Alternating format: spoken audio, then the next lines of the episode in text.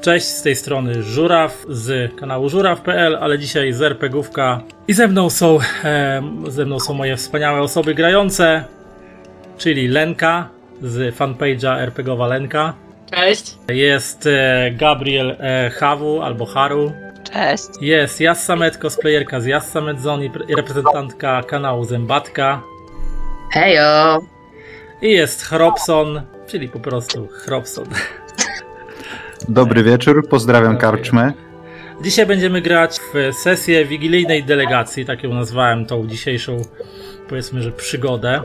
I będziemy ją rozgrywać na zasadach e, niewielkiej gry fabularnej e, autorstwa Grahama Welms, Welmsleya, o ile dobrze pamiętam. Tulu Dark, która ma być po prostu prostą gierką na prostych zasadach do prowadzenia Lovecraftowskiego horroru, ale dzisiaj akurat jako tako Lovecraftowskiego horroru nie będzie, będzie bardziej modern survi- survival horror.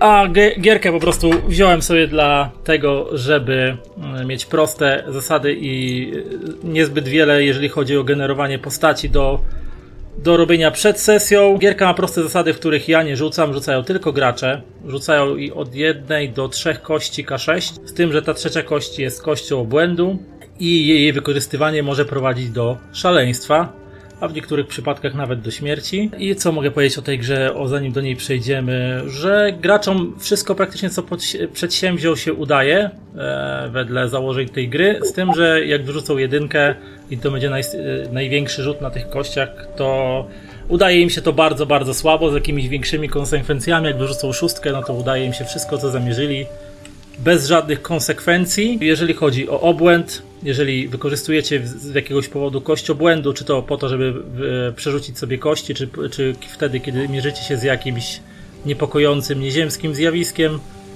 to jeżeli na kości wypadnie Tak, niepoczytalność. Jeśli przekroczysz poziom obłędu, daj jeden punkt do obłędu i odegraj postacią swój strach. Tak, czyli kiedy wy na kości obłędu wyrzucacie więcej niż wasz aktualny obłęd, który na starcie wynosi 1, to, to za każdym takim sukcesem na tej kości zwiększa wam się obłęd o 1. Kiedy dojdzie do 5, możecie próbować e, ten swój postępujący e, obłęd obniżać, ale żeby to robić, musicie niestety grać przeciwko swojej pozostałej części drużyny, bądź przeciwko swojej własnej postaci, czyli na przykład dokonywać jakichś samookaleczeń lub utrudniać sobie w jakiś sposób życie i wtedy ten obłęd wam się może obniżyć o jeden punkt e, od poziomu 5, ale nigdy nie może spaść poniżej jednego. Macie też rany od poziomu 1 do 6, gdzie na poziomie 1 macie, jesteście lekko obici, na poziomie 6 jesteście martwi. I je, je, jeżeli stosujecie jakieś medykamenty bądź apteczki, temu podobne rzeczy, to możecie mm, obniżać poziom zranienia, rzucając kością i wyrzucając mniej niż macie aktualnie danego poziomu zranienia. Na razie jesteście na poziomie 0, nie jesteście ranni, ale jesteście, e, ale później jak już wejdziecie na, e, na poziom zranienia od lekkiego wzwyż, to nigdy już nie może zejść poniżej 1. Dobrze, w takim razie możemy chyba zacząć. Czy są jeszcze jakieś pytania? A, jeszcze wspomnę o karcie X. Mamy, ponieważ gramy w horror i to horror, który może być miejscami krwawy i obrzydliwy, to w razie gdybyście się czuli z czymś niekomfortowo, macie tutaj na Foundry po lewej stronie taki przycisk X. Jak go klikniecie, to mi wyskoczy na ekranie e, karta X i wtedy przerywamy scenę i nie kontynuujemy niepokojących, czy też w jakiś sposób niekomfortowych dla Was rzeczy. Czy dla Was jako gra, osób grających, a nie dla Waszych postaci, no bo Wasze postacie w tej sesji mają cierpieć i, i umierać i, i, i szaleć. Zaczynamy w takim razie. Święty Mikołaj istnieje naprawdę. Święty Mikołaj istnieje naprawdę. I nawet postanowił zostać biznesmenem. Kilkadziesiąt lat temu założył fabrykę zabawek, która w krótkim czasie urosła do prężnie rozwijającej się firmy, a później do megakorporacji obejmującej swoim zasięgiem cały świat. Po pewnym czasie Mikołaj zostawił zajmowanie się biznesem Radzie Nadzorczej i Radzie Dyrektorów, zarządowi firmy, a sam wrócił na biegun zajmować się swoimi ukochanymi zabawkami, a wy jesteście od krótszego bądź dłuższego czasu e, pracownikami Santa Corpu. Akurat tak się składa, że swoi, swoją pracę odbywacie w oddziale Santa Corpu w Rovaniemi, w stolicy Laponii w Finlandii i Wasi przełożeni w ostatnim czasie e, zlecili wam interesujące zadania, ponieważ wasza czwórka dostała delegację, prośbę o to, żeby w Wigilię 2022 roku udać się helikopterem do placówki na biegunie, do pierwszej placówki Santa Corpu i zbadać sprawę utraty łączności tej dawnej placówki, która dzisiaj już nieco jest zapomnianym obiektem, ale ciągle jednak e, znajdującym się w strukturach e, korporacji.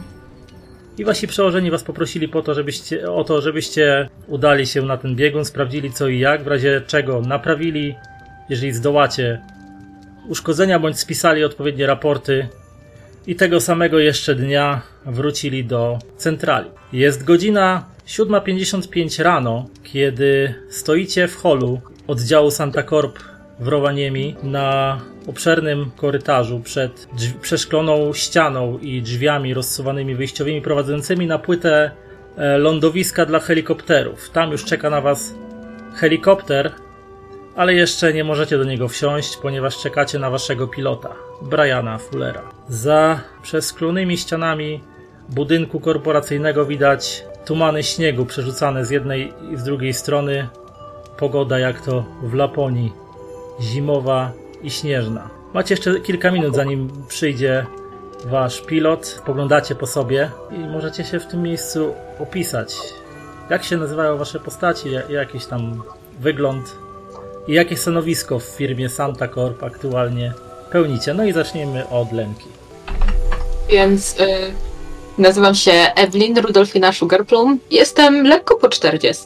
Jestem kierowniczką działu PR i będę tutaj pilnowała, żeby wszystko szło jak w zegarku. My mamy zadanie na dzisiaj, skończymy je dzisiaj. Mam do zorganizowania w przyszłym tygodniu imprezę mikołajkową i nie wierzę, że miałoby się to nie udać. Wszystko załatwimy i moja fryzura pozostanie idealna i wszystko będzie w absolutnym porządku, bo o to zadbam. Dobrze, Gabrielu, teraz twoja kolej. No więc ja nazywam się Gabriel Kresowski, pracuję głównie na serwis desku, ale a, trochę też ogarniam technologię, więc prawdopodobnie dlatego tutaj mnie wysłali. Jak wyglądam? Wyglądam jak każdy przeciętny człowiek, no może oprócz zielonych włosów, to trochę jednak pozwala odróżniać się od innych. Oprócz tego nie wdaję się jakoś w super w dyskusję z nikim, siedzę bardziej na uboczu. Ingrid, Ingrid Nestrom, zwykła, typowa Szwedka o zwykłej, typowej urodzie z blada, ma blond włosy, dość wysoka, robi dość... Heleno, przepraszam, czy możesz mnie wyciszyć? Robi dość mocny makijaż, dlatego może e, być nieco e, wyróżniająca się. Ona pracuje po prostu jako typowy klepacz, Coś dostanie mailem, coś trzeba przeklepać, coś trzeba gdzieś wprowadzić. Taki typowy komputerowy korposzczurek w największym tego słowa znaczeniu. Czemu ją wysłali? W sumie nie wiem. Może Tim chciał się jej pozbyć, bo ostatnio jest dość irytująca. i Stanisławie? Stanisław Gąsienica Smyrecek spod Samyczkich Tater. E, Stanisław e, trochę mm, pewnie natchnięty opowieściami dziadka, jak to dobrze było w Stanach Zjednoczonych, postanowił e, wyjechać i samemu się przekonać. Oczywiście w dzisiejszych czasach to już nie jest to, co było kiedyś. Dosyć brutalnie ten młody 21-letni chłopak zderzył się z rzeczywistością, więc kiedy znalazła się praca na ochronie w korporacji, oczywiście bardzo szybko zgłosił się i ją podjął. Jeśli chodzi o wygląd, jest dosyć wysoki, jakąś tam brodę sobie zapuścił, zważywszy na miejsce, e, w którym pracują. Jest też na pewno dosyć rozrywkowym człowiekiem, więc pewnie może się okazać, że przynajmniej na początku e, panie, które mu towarzyszą, będą spotykać się z jakimiś e, zaczepkami. Natomiast jest też, powiedziałbym, ambitny i bardzo chce awansować w firmie, więc jak tylko usłyszał, że, że jest taka wyprawa, że trzeba coś zrobić, no to oczywiście zgłosił się na ochotnika, żeby pokazać się i zaplusować u swoich przełożonych. Za minutę ósma prężnym krokiem w waszą stronę od strony głębi budynku kroczy postawny mężczyzna w kombinezonie pilota, który podchodzi do was, kiwa wam głową. Rozumiem, że szanowni państwo lecą ze mną na biegun. Tak, jak najbardziej my. W takim razie zapraszam e, za mną. To mówi szybko podchodzi do rozsuwanych drzwi, które kiedy tylko przed nim rozchodzą się na boki, to powiewy zimnego e, lapońskiego wiatru wpychają do środka zawiewy pruszącego cały czas na zewnątrz śniegu i cały czas sprężystym krokiem podąża w kierunku helikoptera. Najpierw podchodząc do części pasażerskiej, od, odsuwając wam drzwi, a później siadając w kabinie pilota. I ja myślę, że Stanisław e, trochę się wychyli, te drzwi przytrzymując, żeby panie, panie mogły wejść. No jak usadowimy się na pokładzie, uśmiechnie się i ale fajny, takim jeszcze nie leciałem. Wyraźnie podekscytowany, czekającym ich w jego mniemaniu przygodą. No, jeżeli chodzi o loty helikopterem, to prawdopodobnie jedynie Evelyn mogła mieć ta, na tyle duży status w firmie, że mogłaby czasami zdarzyć jej się jakaś podróż jako kierownika działu PR, natomiast raczej żadny z Was, jak do tej pory, nie miało takich przywilejów i benefitów korporacyjnych, żeby móc sobie pozwolić na jakieś przeloty helikopterem. Nie, aczkolwiek po Ingrid totalnie nie widać, żeby robiło to na niej wrażenie. Wszystkie emocje zachowuje dla siebie, po prostu wygląda ładnie. Rzeczka się rozgląda, usiądzie sobie troszkę z boku, żeby nie przeszkadzać. Mnie to zupełnie też nie robi wrażenia. To jest kolejny po prostu wtorek czy piątek w pracy. Wsiadam, wsiadam do helikoptera i też y, co chwilę sprawdzam coś na telefonie, czy wszystko, co organizowałam w firmie, dalej idzie y, zgodnie z planem. Gdyż będę to nadzorowała po prostu co jakiś czas online, skoro nie mogę być na miejscu. Kiedy tylko wsiadacie i zapinacie pasy, mm, dostajecie sygnał przez szybę taką plexiglasową ze strony pilota, żebyście sobie założyli e, słuchawki na głowy, ponieważ w kabinie będzie na tyle głośno, że bez tego nie będziecie mieli możliwości możliwości słyszenia siebie nawzajem, ponieważ no, warkot rotora helikoptera będzie na tyle duży, że, że to utrudni wam komunikację. No to zakładamy. Kiedy już jesteście gotowi, śmigła tora zaczynają się coraz bardziej rozkręcać, kabinie zaczyna się robić coraz głośniej i w końcu odrywacie się od płyty lądowiska i majestatycznie unosicie się opuszczając teren e, Santa Corpu i odlatujecie e, w kierunku białej, śnieżnej północy. Słyszycie w słuchawkach trzask e, przełączonego interkomu. Dzień dobry, nazywam się Brian Fuller. Jak już wiecie, będę waszym pilotem. Postaram się Was bezpiecznie dostarczyć na teren placówki e, na biegunie północnym. Przelot potrwa około 3 godzin w jedną stronę. Później załat, załatwią Państwo, co mają Państwo załatwić. I miejmy nadzieję, że jeszcze dzisiejszego dnia wrócimy z powrotem do Rowaniemi i będziemy mogli udać się na kolację wigilijną. W razie pytań proszę przyciskać przycisk interkomu i użyczę udanego przelotu. Stanisław tylko pokiwał głową, wyraźnie taki przestraszony. Widać było, że przy pierwszym szarpnięciu złapał się fotela, a- ale stojąc się za, za bardzo nie pokazywać tego z całej reszcie, z którym leci, tylko do pilota głową, gdzieś tam się rozsiadł i więc tylko, a, to skorzystam i trochę się zdrzemnę. No i gdzieś tam oparł sobie głowę e, i, i pewnie będzie próbował ten swój strach w swoim ulubionym zajęciu wolnym czasie, czyli w śnie, skupić. Czy w, tra- w trakcie lotu coś wchodzicie ze sobą w jakieś interakcje, w jakieś rozmowy, czy też wszyscy w milczeniu chcecie odbębnić dzisiejszą kilka godzin pracy i mieć to za sobą? No, ja z pewnością dalej wszystko kontroluję przez telefon i jestem trochę zdenerwowana, bo Dorothy miała załatwić dekoracje na przyszły tydzień, ale najwyraźniej to się nie udało i chciałabym przed nią wrzasnąć przez telefon, ale po prostu w tym helikopterze nie będzie mnie słyszała. Więc jestem strasznie poirytowana. Y, Więc tylko patrzę przez okno i się denerwuję. Dobrze. Dziwnie wyszło, że Ingrid siedzi idealnie za Evelyn, więc to są chyba kilka rzędów miejsc Znaczy powinno to być. bardziej są takie, że na, naprzeciwko siebie, że po dwie osoby. Naprzeciwko siebie? A dobra, to, to disregard. Ja po prostu są ciekawe i zerkam po wszystkim. A to tak, tak technicznie my siebie znamy, czy, czy jeszcze nie?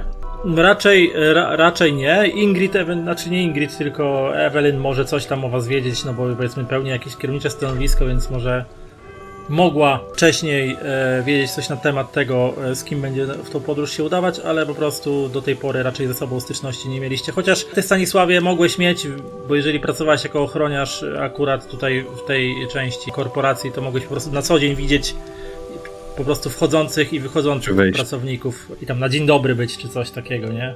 Więc ja jakby, jak to tutaj na, na góralską porywczość przystało, trochę że zasnąć nie mogę, trochę zestresowany, postanowiłem pogadać, więc dzień dobry, przedstawiam się, e, Stanisław Gąsienica Smyresek i ja i tutaj z takim rozbrajającym uśmiechem, taki suchar to oczywiście będzie, ale rzucam, ach ja postaram się zadbać, żeby Państwo bezpiecznie dotarli na miejsce i bezpiecznie e, wrócili i po prostu gdzieś tam się, gdzieś tam się uśmiecham e, i bardzo sympatycznie spoglądam na swoich towarzyszy. Stanisław jeszcze totalnie nie jest przyzwyczajony do pracy w korporacji i pewnie nie wie, że czasem nie warto do ludzi się odzywać, tylko pozwolić im wykonywać ich pracę. No, jest to pana rola, aby nas bezpiecznie zawieźć, bezpiecznie przywieźć i aby się nic nie stało.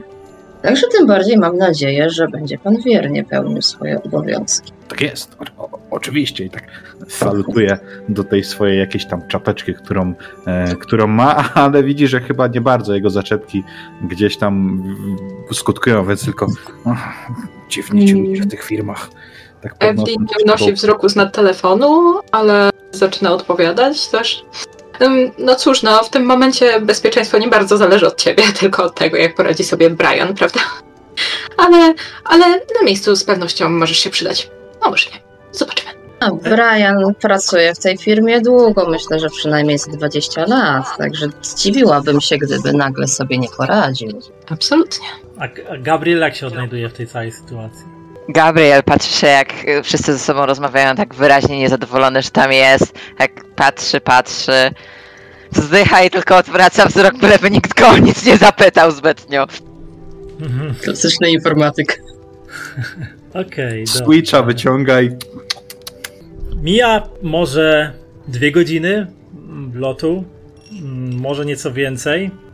Ewidentnie dostrzegacie za iluminatorami waszej kabiny, że opady śniegu i ogólnie porywy wiatru, co jest też odczuwalne w całym waszym tym pojeździe, w którym się znajdujecie.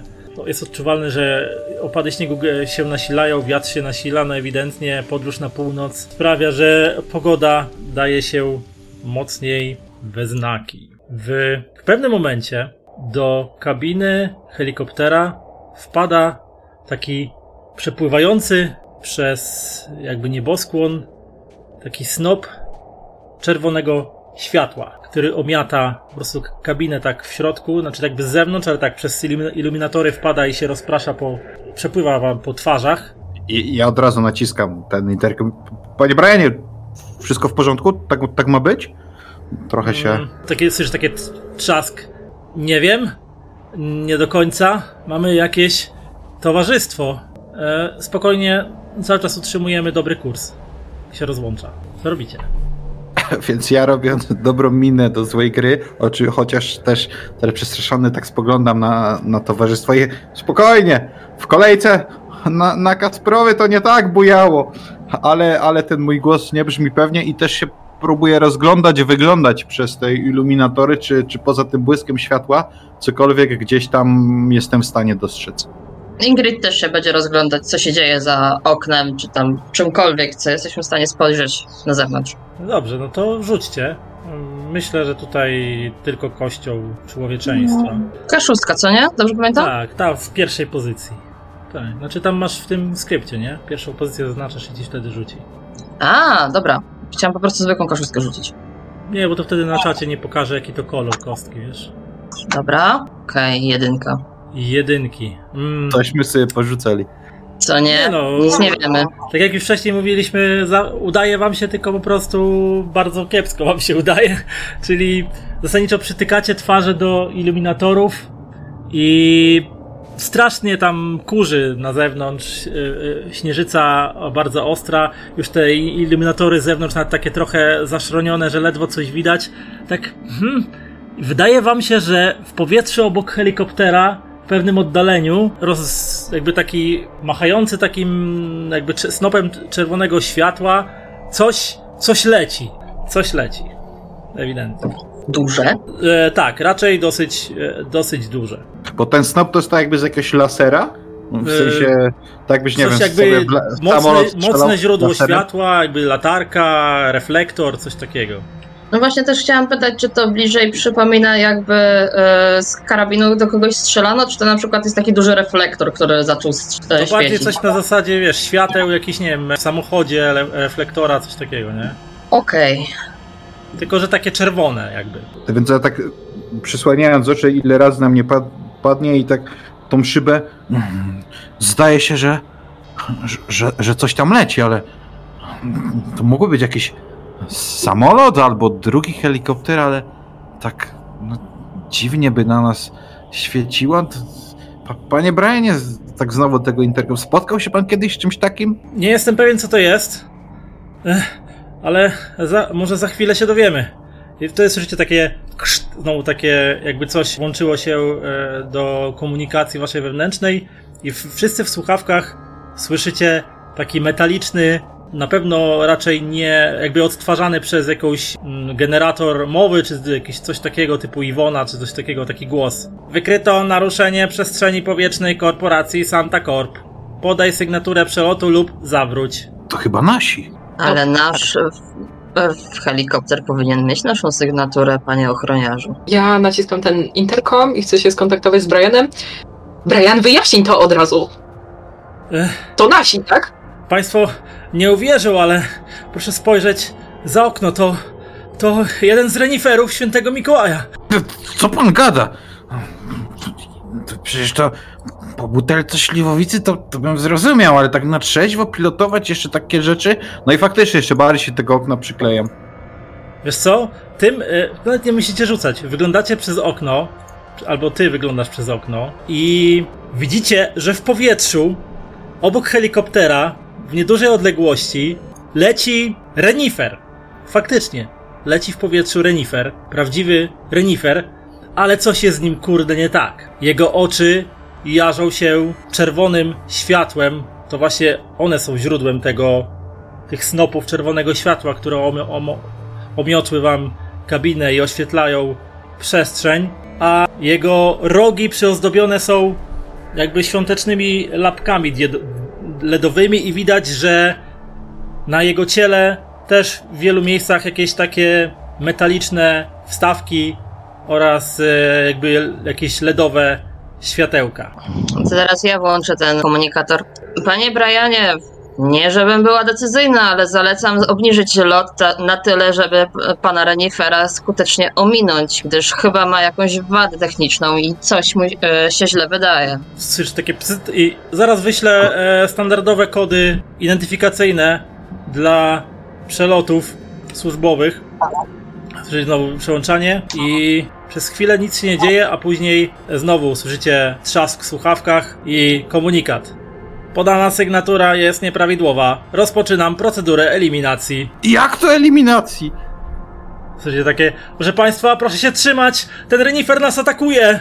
Co robicie? To trzymamy się. Ja tylko się rozglądam, wiesz, czy jakiś, nie wiem, spadochron, cokolwiek, wiesz, coś, coś w tej kabinie, kabinie jest, no nie? E, Zapinam się na pewno lepiej pasami i się rozglądam właśnie za To- czymś to- to To, mi, to jest to totalnie nie, nie, nielogiczne, no nie? Bo z jednej strony jak najlepiej, a z drugiej rozglądam się za, za spadochronem. Czyli o, rzucić jeszcze raz. Tak, tak. Też jedynką? Wiesz co, myślę, że w tym momencie macie do czynienia z nie, niespotykaną sytuacją, więc y, myślę, że do tego rzutu dołącz kość, kość obłędu. Jeden i sześć. I jak najbardziej znajdujesz. Co właściwie chcesz znaleźć? Jeśli spadochron, bez problemu. Znajdujesz, wiesz, w jakiejś takiej otwieranej szafce e, pod suficce, znajdujesz przygotowany e, spadochron na wszelkie ewentualności, ale też i twoje szaleństwo rośnie o jeden punkt. Wy, rzucam szóstki to już poza postacią, ale ty możesz zadeklarować, że znalazłeś karabin maszynowy. Nie no, ja mam swoją broń służbową. Nie pomyślałem o tym, żeby Nie karabin... postrzelasz w tym, w przestrzeni. W, w, panie Brianie, ja nie wiedziałem, że w, cy, w cywilnych helikopterach wyżu granatniki wozicie i takie RPG ściągam z półki. Jasne, wiesz co? Jest, ale masz tylko jeden pocisk w tym. No dobra, no to w takim razie i tak tylko, mm, tylko proszę się dobrze przypiąć, bo i, i pytam, panie Brianie, a te drzwi od środka to, to można otworzyć? No jeżeli pan musi, to może pan otworzyć, ale proszę e, się być przypięty, bo żebyście nie wypadli. No o, oczywiście, tylko to, to może dopiero nas, bo w sensie on nas jakoś atakuje widocznie? Coś tam, Nie, coś widzicie, tam, że on, e, jak powiedział, że e, jeśli na niego patrzycie, to widzicie, że Renifer jak na niego, jak po, po tym komunikacie, że rozpoczyna procedurę eliminacji, to on tak jakby od, odlatuje od helikoptera, robi taki łuk, trochę niknie wam z oczu, a potem widzicie, jak te czerwone światła e, jego oczu zaczynają się do was zbliżać, czyli leci na kursie kolizyjnym z helikopterem. Być może chce go taranować, albo coś takiego. No to spoko, no to ja będę faktycznie te drzwi chciał otworzyć, no i wystrzelić do tego renifera, jak już będzie tak dosyć, na, znaczy no na tyle blisko, żeby jak, jak największe szanse na trafienie, a na tyle daleko, żeby jednak e, przypadkiem pod, przypadkowy wybuch nas tam nie zdmuchnął z nieba. Jasne, więc poproszę cię o rzut. Myślę, że e, strzelanie z broni jakiejkolwiek mieści się w ramach wyszkolenia, więc możesz w sumie nawet trzema kośćmi, nawet w sumie musisz trzema kośćmi, bo nadal strzelasz do latającego helikoptera Terminatora. 6, 2, 2. Jasne, więc trafiasz, jak najbardziej. Roz, rozsuwasz te odrzwia helikoptera. Zimne podmuchy wiatru gwałtownie wdzierają się do środka takimi kolącymi jak igiełki y, zmrożonymi płatkami śle, tego śniegu, siekając e, wasze twarze i tymi lodowatymi pójścia. Trzymasz się tam framugi tego i y, celujesz z bazuki do nadlatującego niebezpieczeństwa i kiedy widzisz już praktycznie te czerwone ślepia, wciskasz przycisk, Słyszycie tylko e, syk e, odpalanego pocisku, chmura dymu i ognia bucha do środka kabiny. Musicie się zasłonić rękami, żeby ten płomień wylotowy was tutaj nie, e, nie ogarnął. Ty, Stanisławie, zostajesz wepchnięty do, do środka przez odrzut, odrzut broni. Od, zamykasz od razu tym machnięciem ręki drzwi od helikoptera i upadasz na podłogę, a pocisk po prostu szoruje i tylko słyszycie i, gwałtowna eksplozja wstrząsa, wstrząsa e, całym helikopterem i słyszycie tylko głos, krzyk Fullera w, w słuchawkach. A nie! I, i zaczyna nagle helikopterem, zaczyna nagle kręcić nim tak dookoła, jak jakimś szalonym e, tym. Jakbyście, nie wiem, wsiedli na byka na rodeo i próbowali go ujeżdżać, rzuca wami, jakbyście się znaleźli nagle w jakimś na ćwiczeniach z tego, z przeciążeń w tych, w szkoleniu na kosmonautę. Zaczyna wami tam rzucać na wszystkie strony. E, co robicie? Łapiemy się czego możemy. Prze, Tak, łapiemy się czego możemy, jesteśmy No. myślę wszyscy przypięci, więc chyba nikt nie wypadnie, ale Ingrid tak jeszcze zawała Panie ochroniarzu, zamknij pan te drzwi, bo się zrobi katastrofa! No to nie zamknął. Jak upadał, to je zamknął. Tak, ja, A, dobra. ja jeszcze spokojnie. Dobra, no U to nas myślę, że się... Trzymamy się mocno. Więc okej, trzymacie się mocno, helikopterem rzuca, rzuca jeszcze. Do końca nawet nie jesteście w stanie określić jak e, długo, bo moment, bardzo szybko tracicie poczucie czasu. Widzicie tylko przez błyski w iluminatorach, jak go tam obkręca dookoła własnej osi, że e, czasami te jeszcze te jakieś pióropusze płomieni spadających gdzieś tam na dół i, i nagle czujecie takie takie jakbyście przyrżnęli w coś bardzo, bardzo mocno i w tym momencie zapada ciemność. Nie wiecie, ile minęło czasu. Pierwszy, pierwszą osobą, która otwiera oczy jest Stanisław Smyrecek, który leży na plecach w gęstym śniegu, rozłożony tak okrakiem, znaczy rozłożony tak po prostu Na X. z rozrzuconej, tak, z rozrzuconymi rękami i nogami.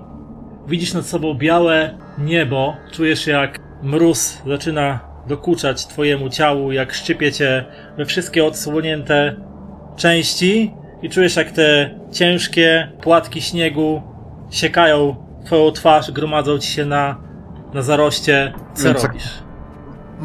Mrugam oczami, pewnie jeszcze mi lekko dzwoni gdzieś w uszach. E, taki obolały wstaje, przynajmniej staram się wstać, sprawdzając, czy nic mi nie jest. Ach, jak w Sylwestra w 2012. Ale potem sobie przypomniałem, że to jednak nie jest Sylwester, tylko leciałem sobie helikopterem, więc y, prostuję się i, i rozglądam się, czy w ogóle gdzie jestem, co z helikopterem. Ja nie siedzę w helikopterze, no i, i są towarzysze mojej podróży, czy, czy wszystko w, z nimi w porządku. Wiesz co? E, Wstajesz, tak, si- si- tak siadasz gwałtownie na tym śniegu, zrzucając z siebie te zbierającą się e, już warstwę. I tak rozglądasz się na boki. Pierwsze co ci się rzuca w oczy to helikopter, który zarył gdzieś tam w zaspy i, i wystaje z niego tylko ogon, większa część kabiny pasażerskiej i dziób jest gdzieś tam wbity w śniegu, śmigła są pokrzywione, jeszcze tak delikatnie jeszcze się ono kończy obracać i po swojej prawej stronie widzisz w śniegu leżącą postać. No więc staram się, no jeśli jestem w stanie, no myślę, że po prostu na tej zasadzie, że wstaję na nogi i gdzieś lekko się chwiejąc, ale staram się właśnie najpierw do tej postaci podbiec, zobaczyć kto to, sprawdzić czy oddycha, no te wszystkie jakby w głowie sobie, sobie powtarzając wszystkie zasady, jakie tam na wszystkich szkoleniach z BHP i tak dalej mnie uczyli tej pierwszej pomocy, sprawdzania, e, czy, czy, czy, ktoś, e, czy ktoś po prostu daje, daje znaki życia, no nie? Na szybki taki przegląd w głowie, no i, i będę chciał sprawdzić kto to i co z nim. Więc zaskakujesz do leżącej postaci i od razu orientujesz się, że jest to Gabriel, który leży też w śniegu, kawałek od ciebie, z tym, że on e, jakby twarzą w śniegu leży. Obok jego głowy, praktycznie centymetr od jego głowy, e, wbity jest kawałek śmigła, e, które zaryło obok niego i orientujesz się, że tylko naprawdę dwa centymetry dzieliły go od niechybnej śmierci. A po drugiej jego stronie na śniegu leży jego torba ze służbowym laptopem.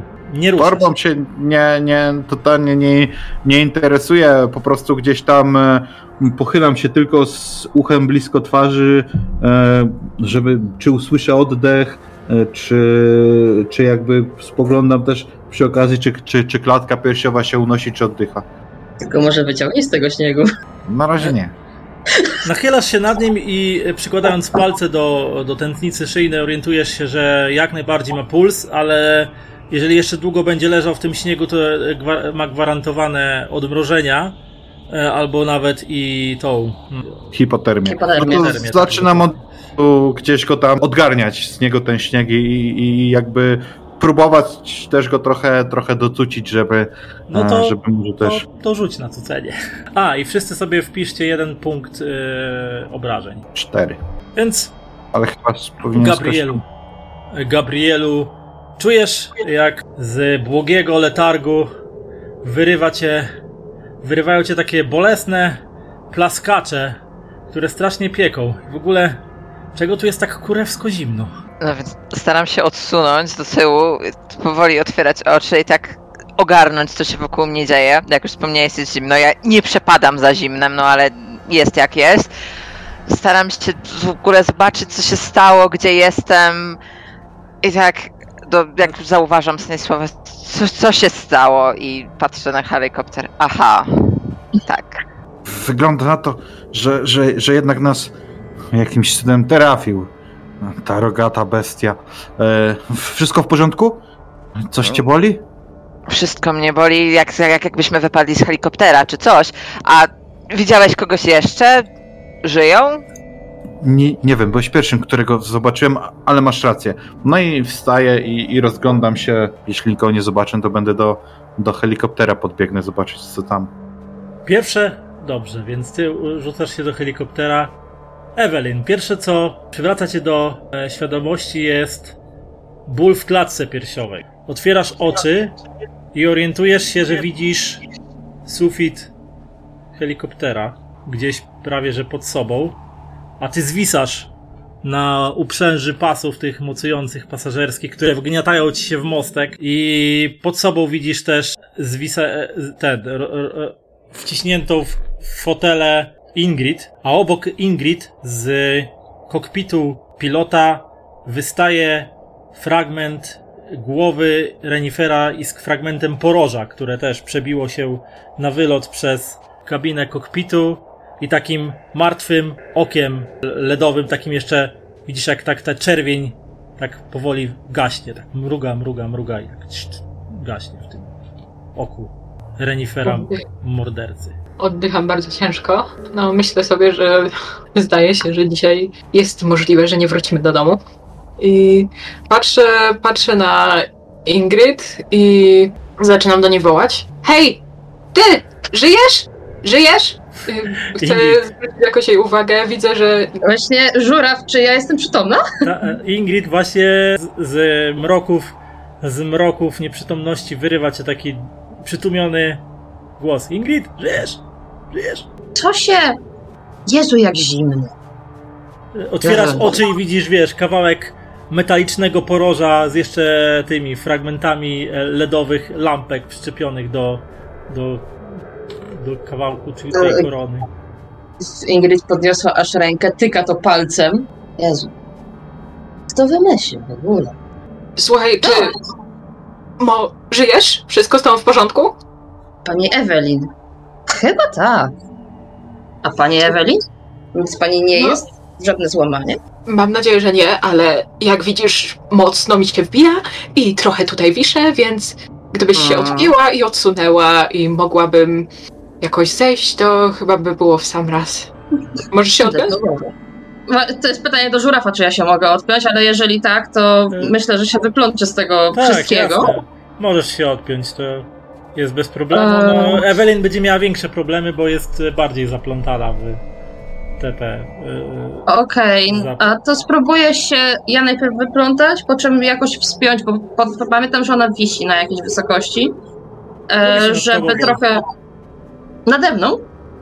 Tak, no bo on się wbił tak, a ty siedziałaś po tej stronie, siedziała po tej stronie, więc ona jakby zwisa. To ja wejdę na to poroże, myślę, bo to będzie najbardziej rozsądne i spróbuję ją powyplątywać, poodpinać jakkolwiek. Jasne.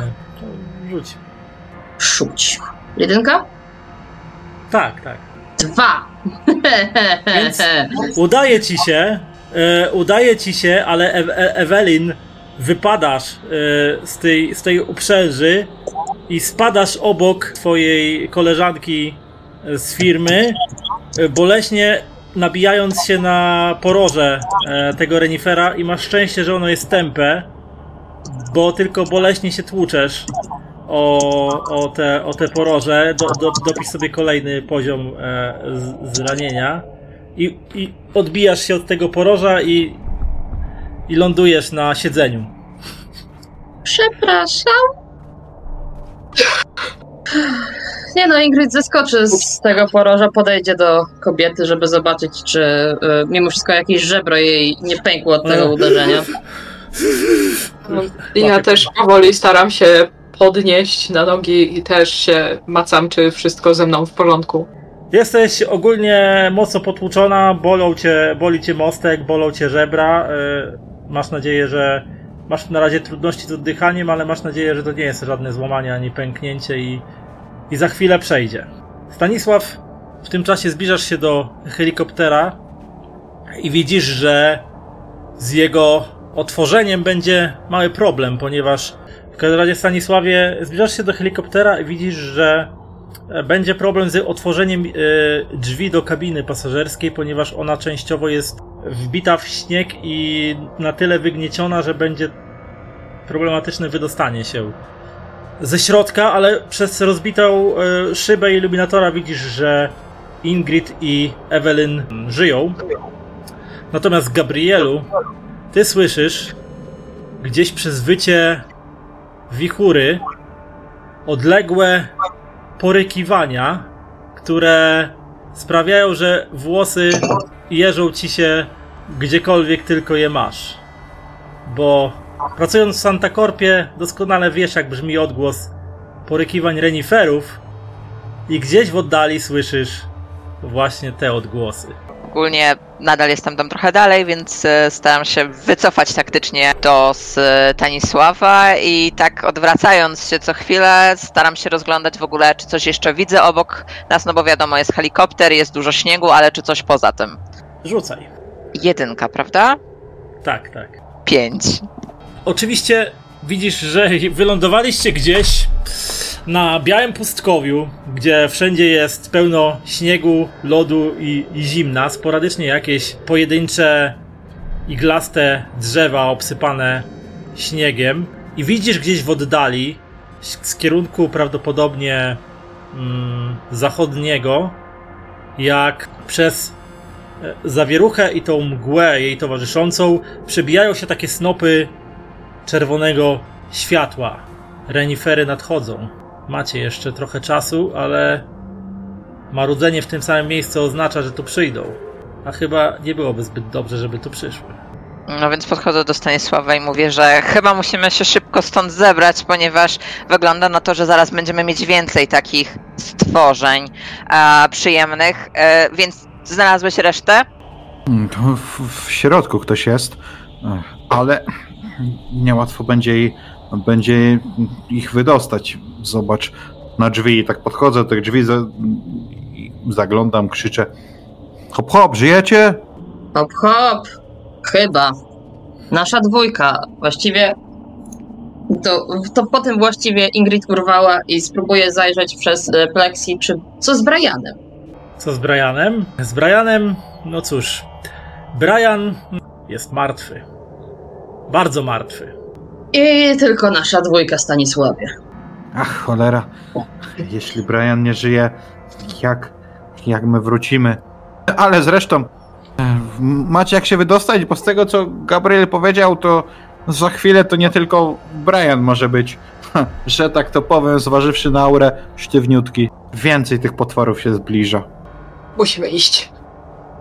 I próbuję powoli, yy, oblała się wydostać. Idziemy. Mhm. Trzeba się pośpieszyć. Próbujecie otworzyć, przesunąć drzwi i one za cholerę nie chcą puścić.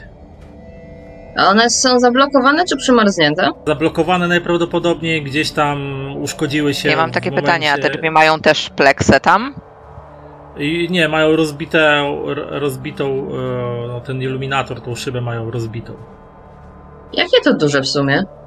Bo nie pamiętam zwyczajnie. E, Ale duże w sensie drzwi czy iluminator? Iluminator. E, No taki, jedna szczupła osoba może by się przez to przycisnęła. Ingrid wzięła jakąś tam mm, coś po prostu, co jest ciałem obcym, jaką, jakiś kawałek fotela, cokolwiek, bo wybija sobie tak resztkę tych szyb, żeby to okaleczeń za bardzo nie złapać, spróbuję się przez to przycisnąć. Ale zanim chcę jeszcze sprawdzić, czy mój kubek termiczny przetrwał, bo to może być ostatni łyk czegoś ciepłego. Jasne, w kube, kubeczek jest cały i nietknięty. Wow, dobra. To zabieram kubeczek i się przeciskam. Okej, rzuć mi. Czy? Trzy. Próbujesz się przyciskać i udaje się przełożyć głowę. A mawiają, że kiedy uda się człowiekowi przełożyć przez coś głowę, to i reszta ciała przejdzie. Ech, więc z trudem, ale udaje ci przepchnąć niestety jakieś wystające, ostrzejsze elementy, czy to blachy, czy jakieś pozostałości plexiglasu, które nie zostały przez ciebie wybite z- ramki. No, powiedzmy, że twoje ubranie nie jest w najlepszej kondycji po tym przepychaniu się i jest. Masz w paru miejscach je porozdzierane i dziurawe. Zimno. I zimno ci się robi bardziej. E, Dodatkowo trwało to na tyle długo, że porykiwania reniferów oraz siła tych snopów światła, które generują ich oczy, no znacząco się przybliżyła. Mhm. No to ja y, również słysząc to wszystko, to no chyba mm, droga Ingrid będzie najszybszą, więc staram się zrobić to samo, starając się maksymalnie zacisnąć zęby i ignorować ból. W imię I- swojego y, ratowania swojego tyłka i ratowania losów firmy. Tak, Ingrid Ja- na to spojrzała i tak e, zerknęła na chłopców. Panowie, złapcie naszą panią od PR-u może i wyciągnijcie ją jednym szarpnięciem, będzie szybciej. Moment, moment, moment. Pani Ewelin, jakby się pani jeszcze zanim wyjdzie rozejrzała, kto wie jak daleko i będziemy musieli iść, może w środku znaleźć coś przydatnego. Kawałek jakiegoś dodatkowego okrycia, okrycia kod, ter, kod termiczny, apteczka, cokolwiek. Nie należy tam coś nie jest na szybko w szafkach. Wiem, że czas goni i te stwory się zbliżają, ale, ale może się okazać, że takie stracenie kilku sekund teraz Dobrze, dobrze, zaoszczędzi dobrze. na kilka lat w przyszłości. A potem oczywiście pomożemy. Dobrze, w takim razie staram się szybko rozejrzeć. Mhm. To y, czy widzę coś przydatnego, co mi pomoże? A co byś chciała przydatnego znaleźć w, w wraku helikoptera? No właśnie, albo jakąś apteczkę, koc, czy może, może gdzieś się znajdzie jakaś przypadkiem broń? Czy coś, co mogłoby się przydać? To rzuć mi. Mm, jedynką kością. Harpun na ryby. Wnyki na zwierzęta. E, Nie wiem e, od gracza już, czy też e, spadochronu by się nie dało wykorzystać jako wielkiego namiotu. E, piątkę wyrzuciłaś, tak? Mhm. Więc nerwowo przeszukując e, przestrzeń wokół siebie, natrafiasz na przytwierdzoną do ściany apteczkę mm, pierwszej pomocy, w której są, wiadomo, bandaże, jakieś tam środki przeciwbólowe, e, antyseptyki oraz obok na ścianie też e, w innej takiej skrzyneczce przenośnej pistolet na flary razem z kilkoma ładunkami. Dobrze, zatem no, mm, czy udaje mi się łatwo tą apteczkę No. odszarpać? No odrywasz to z, Dobra. z, zaczepów jednym ruchem, drugą ręką odrywasz e, pistolet na flary, no i możesz to, nie wiem, prze, przepchnąć przez okno i. Pewnie. Łapcie to! I staram się im podać, Mhm. by zabrali jak najszybciej. Skarniamy. Myślę, że przekazuję Ingrid albo Gabrielowi i, i będę chciał też pomóc y, Ewelin. Dobra, wyjść. więc jeśli pomagasz e, Ewelin, to i ty, i Ewelin, i ty rzucacie kością, i kto będzie miał lepszy wynik, ten. To tego e, jest, że tak powiem. Wynik e, tym właściwym. Dobra. Cześć. O, no to y, wiesz co, próbujesz podać e, rękę Ewelin, ale e, tak naprawdę e, kiedy tylko łapiesz ją za dłoń, to ona jakimś takim sprytnym ruchem, mimo tego, że jest obolała, odbija się od fotela, odbija się drugą nogą od tego e, ohydnego poroża renifera i po prostu e, jakby wyskakuje z niebywałą gracją przez to okienko i zsuwa się po boku e, helikoptera i wdzięcznym telemarkiem ląduje o, o klatce. I ja tak spoglądam na to i no, tak, tak bardziej pod nosem, ale pewnie też słyszę jogi, pilatesy. Widzę, że coś nie coś potrafi. E, No, ale ruszajmy. Ja tylko jeszcze na szybko chciałbym sprawdzić, czy jakąś taką powiedzmy swoją podstawowy ekwipunek, który każdy ochroniarz ma, czyli jakaś latarka, jakaś broń przydziałowa, e, można powiedzieć nóż, czy to mam przy sobie w tych wszystkich swoich kaburach, czy gdzieś tego nie zgubiłem. Jasne, wszystko z, ty, z tych rzeczy masz, e, masz jak najbardziej przy sobie. Były dobrze osadzone i w kaburze, i w tych zaczepach e, przy twoim uniformie ochroniarza, więc to jak najbardziej masz przy sobie. Ja no, w tym więc czasie tak tylko się, się rozglądam i a, a może wie, w którą stronę powinniśmy ruszyć? No na północ. A gdzie jest północ? A to można odpalić kompas w telefonie albo coś. A, racja. Cholera, nie mam zasięgu, bo rozładował się. I ja w tym czasie, kiedy oni się tam wydobywali z helikopteru, skoro moja pomoc nie była potrzebna, właśnie patrzę, czy może gdzieś jest jakakolwiek ścieżka, czy coś, co mogłoby nas uchronić, jakieś, nie wiem, drzewa, zalesienie, coś, żeby no mimo wszystko dać nam szansę na przetrwanie, e, a reniferom jakąś tam przeszkodę. Wie, wiesz co, przeszkód jako takich tutaj za bardzo nie ma, chyba żeby uznać e, coraz większe warstwy śniegu zbierające się dookoła, e, ale no mm, jesteś pewien, że bez problemu dasz radę określić kierunek, którym możecie iść, więc e, wiesz, że no, jeśli udacie się na północ, no to w końcu dotrzecie tam, gdzie mieliście dolecieć helikopterem, tak? Tylko musicie się śpieszyć, no bo jak będziecie tu jeszcze dłużej stać, to przybiegną bardzo miłe zwierzątka i zrobią wam kuku. E, Więc e, ja wiem, że tak miło się stoi i gada, może trochę zimno, no ale jednak proponuję się stąd wynosić, póki jeszcze mamy szansę, bo jakoś nie uśmiecha mi się ginąć e, tutaj. Racja, racja. Ja tylko się rozglądam, czy jest tu jakieś, nie wiem, drzewo, choinka, cokolwiek, czy to jest taka totalnie pusta przestrzeń? Jakaś jedna samotna ten choinka tutaj rośnie, tak? Niedalekiej Ej, no więc- odległości, kilku, kilku. No więc ja szybko jeszcze do niej podbiegam i, i metodą, którą mnie dziadek Władek, jak chadzaliśmy na niedźwiedzie, uczył, e, taki dosyć gałąź jedną zrywam i e, ruszajmy, ruszajmy, żeby szli przodem, a ja z tyłu będę chciał tą gałąź ciągnąć ze sobą, żeby na ile się da, te nasze ślady gdzieś tam e, z, a, zamazać. Super. Bez problemu ci się udaje oderwać gałąź. No i reszta towarzystwa się na ciebie dziwnie patrzy. Co ty wyprawiasz? To ja im właśnie tłumaczę, że jak chadzaliśmy z dziadkiem Władkiem na niedźwiedzie, oczywiście to w mojej głowie ta historia tak fajnie brzmi. Niemniej faktycznie, że, że były takie metody, że żeby trochę swoje ślady zacierać, gdzieś tam sobie za sobą ciągnęło się chociażby gałąź, a przy okazji też z historii indiańskiej do, do, dodaje, że mm, nawet w tym kraju przecież Indianie jak podróżowali, to koce zwinięte ciągnęli za ostatnim koniem, co by ślady trochę zatrzeć. No, ruszajmy, ruszajmy, bo, bo nas doganiają. Więc e, dobrze. Ruszacie na północ, przedzierając się e, przez zaspy i walcząc e, z wszechogarniającym zmęczeniem oraz uczuciem osłabienia wywołanym przenikliwym mrozem, który szczypie wasze ciała nawet przez e, najgrubsze warstwy ubrań, jakie za, zabraliście ze sobą na, tę na tą wyprawę. Stanisławie, rzuć mi na zacieranie śladów, jak dobrze ci to idzie. Myślę, że możesz dwoma kostkami.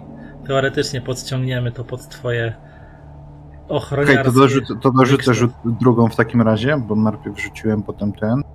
Albo rzucę jeszcze raz po prostu dwoma. Aha, no to fajnie. To i tak, tak czy siak, czy jedną, czy dwoma, na jedno wyszło. E, Ci nas dzisiaj chyba nienawidzą. Pamiętaj, że zawsze możesz przerzucić, tylko wtedy dorzucasz do, do tego kościobłędu, nie? E, Nie, myślę, że to jeszcze nie jest aż taka podbramkowa sytuacja. Te przerzuty z tymi obłędami to mogą się jeszcze przydać, więc, więc na razie nie. Więc Gałąź była za mała. udajecie się na północ, a Stanisław zaciera za wami ślady, ale to chyba nie do końca pomogło, ponieważ kiedy tylko renifery zbliżyły się na nieco mniejszą odległość i kiedy pierwsze promienie tych snopów światła bijących z ich oczu omiotły plecy Stanisława, stało się tak, jakby złapały trop. Być może polegały na jakichś innych czujnikach, sensorach, skanerach. Kto wie, co to cholerstwo ma w siebie wbudowane. W każdym razie, ewidentnie zobaczyłeś, że kiedy tylko snop czerwonego światła gdzieś tam omyć cię przez chwilę, to zwierzęta przyspieszyły i pędzą w waszym kierunku. Czy po snopach światłach my jesteśmy w stanie określić, ile tych zwierząt jest? Na pewno więcej niż jedno, może dwa, może trzy. Tylko żwawo, żwawo, chyba nas dostrzegły. Musimy przyspieszyć. Jeszcze też taki lekko zdyszany, ale krzyczę, krzyczę na moje towarzystwo i, i staram się nikogo nie wyprzedzać. Jeżeli, nie wiem, ktoś tam kondycję ma słabszą, czy, czy coś w tym stylu, to jednak staram się ja dopasować, zwolnić trochę, żeby, żeby nikogo nie porzucać z tyłu. Okej, moi drodzy, to teraz poproszę was, żebyście rzucili na uciekanie. Myślę, że Stanisław może rzucić dwiema, no bo jako ochroniarz jest powiedzmy bardziej wysportowany od całej waszej ekipy. Za to widzę, e, za to pani kierownik działu PR niespecjalnie wysportowana. Najpierw wyskoczyła jak, jak po prostu łasite z tego Ale to chyba wiesz, to był chyba taki Adrenalina. Na, na adrenalinie, a teraz już adrenalina zeszła i już coraz bardziej odczuwa to, co, to, co się z nią dzieje. Pan Więc- informatyk nie lepiej. Pan informatyk nie lepiej. Widzę w takim wypadku, że chyba Ingrid faktycznie musi na coś chodzić, bo, e, bo ona poleciała po prostu pierwsza. Tak. Ingrid po prostu wysforowała się, kiedy tam e, Gabriel wskazał, tam jest północ, to Ingrid po prostu stwierdziła, a pierdzielę to, lecę czym prędzej, szczególnie, że jest jej cholernie zimno, po tym jak podarła sobie ubranie, więc... Szczególnie, że jest trochę egoistą, więc stwierdziła, ja, ja spadam, a wy mnie złapiecie. Tak. Więc sayonara, tak? I, i w długą ku, ku, tym, ku przygodzie. Widzicie tylko jak sadzi takie susy przez te zaspy, jak prawie jak kozica górska. Y, Za nią zaraz y, biegnie y, Stanisław, który porzucił gałąź do zacierania śladów i stwierdził, że nie ma chyba co się bawić w tego, w miłośnika bushcraftu i survivalu i po prostu też zobaczył, że wy- wyprzedziła go Ingrid, a stwierdził, że on chyba podąży za nią. Gabriel ledwo dysząc i trzymając tą torbę z tym laptopem, próbuje za nimi nadążyć, a Evelyn nagle czujesz jak te obolałe żebra e, i te kłujące zimno w płucach zaczyna cię spowalniać i tak widzisz jak oni wszyscy od ciebie oddalają, a za sobą słyszysz zbliżający się ten, ten, e, zbliżających się reniferów, które coraz takimi silniejszymi stopami światła skupiają się na tobie i słyszysz te e, ch- ich e, ch- ch- chrapanie i porykiwania i, i, i czujesz jak serce wędruje ci do gardła. Ingrid, kiedy tak wysforowałaś się do przodu, widzisz, że gdzieś tam w tej śnieżycy, w tej mgle e, rysuje się zarys jakiegoś płotu, jakiegoś budyneczku. Chyba, jest, chyba musicie być już niedaleko. tylko trzeba trochę, trochę nadążyć, ale tak oglądasz się za siebie i widzisz, że poza Stanisławem, który depcze ci po piętach, to reszta została tak mocno z tyłu. E, najpierw dobiegnę do płotu, potem będę się martwić o resztę. Stanisławie, po, chwilę, po chwili zauważasz też, że gdzieś tam przed wami e, w tej mgle rysuje się e, prawdopodobnie zarys jakiegoś e, płotu i być może jakiejś stróżówki. Jest szansa, że dotrzecie na miejsce zanim te cholerne zwierzęta was dopadną. No tak, tylko też sobie przypomniałem, co one z helikopterem zrobiły, więc tak widząc ten zarys stróżówki, nie do końca wierzę w ten, no ale też spoglądając przez ramię, tylko kurwa. E, Tak technicznie, kto ma pistolet e, do, do flar? E, Evelyn. Okej, Chyba. no dobra. Nie, ja Znaczy nie, ona, ona, ona go dała wycie- przez okno, więc możesz go mieć ty, albo może mieć go Gabriel, nie wiem. Pomagają wychodzić, więc ja go komuś oddałem. Dobra, w każdym go ja, więc, więc tylko tak pomyślałem, kurwa, dlaczego zawsze ja zatrzymuję się, odwracam się w ich stronę i, i widząc, że no, jakby ja jeszcze mam na tyle sił, że, że dobiec do tego płotku czy do tego budynku nie byłoby jakimś większym problemem, oni sobie gorzej radzą, więc będę chciał zwolnić i, i myślę, że, że skoro Ewelin najbardziej z tyłu została, mm, to, to jej pomóc. Jeśli będzie w jakimś lepszym stanie, no to może po prostu ją podeprzeć, pomóc. W najgorszym wypadku kucnę, wskakuj na barana i pobiegnę z nią. Dobra, więc pozwalasz, żeby biegnący za tobą Gabriel cię minął i widzisz e, Evelyn, która już prawie że na, na zdechnięciu, na padnięciu na twarz biegnie w twoją stronę i widzisz jak już za nią tak biegnie z pochylonym łbem i tymi ledowymi światełkami jeżdżącymi się na porożu biegnie rozpędzony renifer. To nie, to jeżeli jest jakoś bardzo blisko mnie, no to będę chciał wyciągnąć broń i do niego strzelić. E, Jasne. Więc y, rzucaj. E, tylko rzucasz z kością błędu, Chyba w sumie trzema. Możesz, możesz trzema, z tym, że e, jeżeli kością błędu będzie najwyższym wynikiem, to o- oberwiesz. Albo ona oberwie. Wyciągam, przeładowuję broń, wycelowuję i cyk. E, tak. E, Ewelin, mijasz Stanisława, kiedy on wyciąga z kabury broń, oddajesz jeden strzał czy więcej? Bo powiedzmy, że Wiesz twój pistolet ma za- 9 pocisków w magazynku, nie? No to z, i, i, i ile, ile zdążę, tyle oddam. Chociaż Więc- inaczej, nie no. Dobra, próbuję strzelić w niego. Jak Ewelin będzie mnie mijać, e, no myślę, że dwa strzały spróbuję i no, będę gdzieś próbował też uskakiwać. Bardziej, żeby wiesz, zwrócić uwagę, przeturlać i, i pobiec dalej. Żeby tak na niej się nie skupiali na tej zasadzie. Więc jeden, dwa strzały i tyle. Więc kiedy cię tylko mija, wymierzasz spędzonego renifera, oddajesz dwa strzały, powietrze przeszywa głośny huk, ostry huk wystrzałów. Widzisz, że oba trafiają, zwierzę rozpędzone zarywa przed nimi kończynami w zaspy, ale pęd jego ciała sprawia, że uderza w ciebie. Takim taranującym po prostu jakby wpadnięciem, ślizgiem takim wpada na ciebie i uderza cię na tyle mocno, że, odla- że odlatujesz w, śnieg jakieś 2-3 metry do tyłu, wypuszczając pistolet, który gdzieś ci wpada w śnieg i, i lądujesz e, na plecach ciężko łapiąc oddech. W tym momencie Evelyn miała okazję tam dobiec do, do reszty i reszta widzi, e, widzicie e, taki obraz, że w obydwie strony przed wami ciągnie się taki wysoki, 3-metrowy, siatkowy płot, jak to w amerykańskich bazach, mniej więcej taki wysoki, jeszcze zakończony drutem kolczastym. E, przed wami jest brama, taka dwuskrzydłowa, rozchylona, rozchylona lekko, też taka siatkowa, wzmacniana jakimiś metalowymi sztabami. I przy tej bramie z opuszczonym szlabanem jest taka, taki budynek niewielki stróżówki z uchylonymi drzwiami też do, do niej. Ale słyszycie za sobą strzały i słyszycie jaki głośny krzyk e, Stanisława, który wpadł. Został uderzony przez. Dopisz sobie Stanisławie jeden e, poziom obrażeń. Mm, Jesteśmy blisko tej stróżówki, tak? No tak, jesteście praktycznie, praktycznie przy niej. Już widzicie nawet na, na bramie jest y, tabliczka teren prywatny korporacji Santa Corp e, e, osobom nieupoważnionym wstęp wzbroniony, nie? Mm. No to ja chcę jak najszybciej zajrzeć do tej stróżówki i zobaczyć, czy jest tam coś, co mogłoby nam pomóc. Albo ktoś. Z drugiej strony Ingrid była tam wcześniej, więc też mogła już przeszukiwać. A, już była. No tak. To y, Także któraś z was niech rzuci. siadaj, za, zapraszam, czy coś. Dobra. Szczególnie, że mój wynik to jest dwa. Mówię, te kości na, nas się nie cierpią.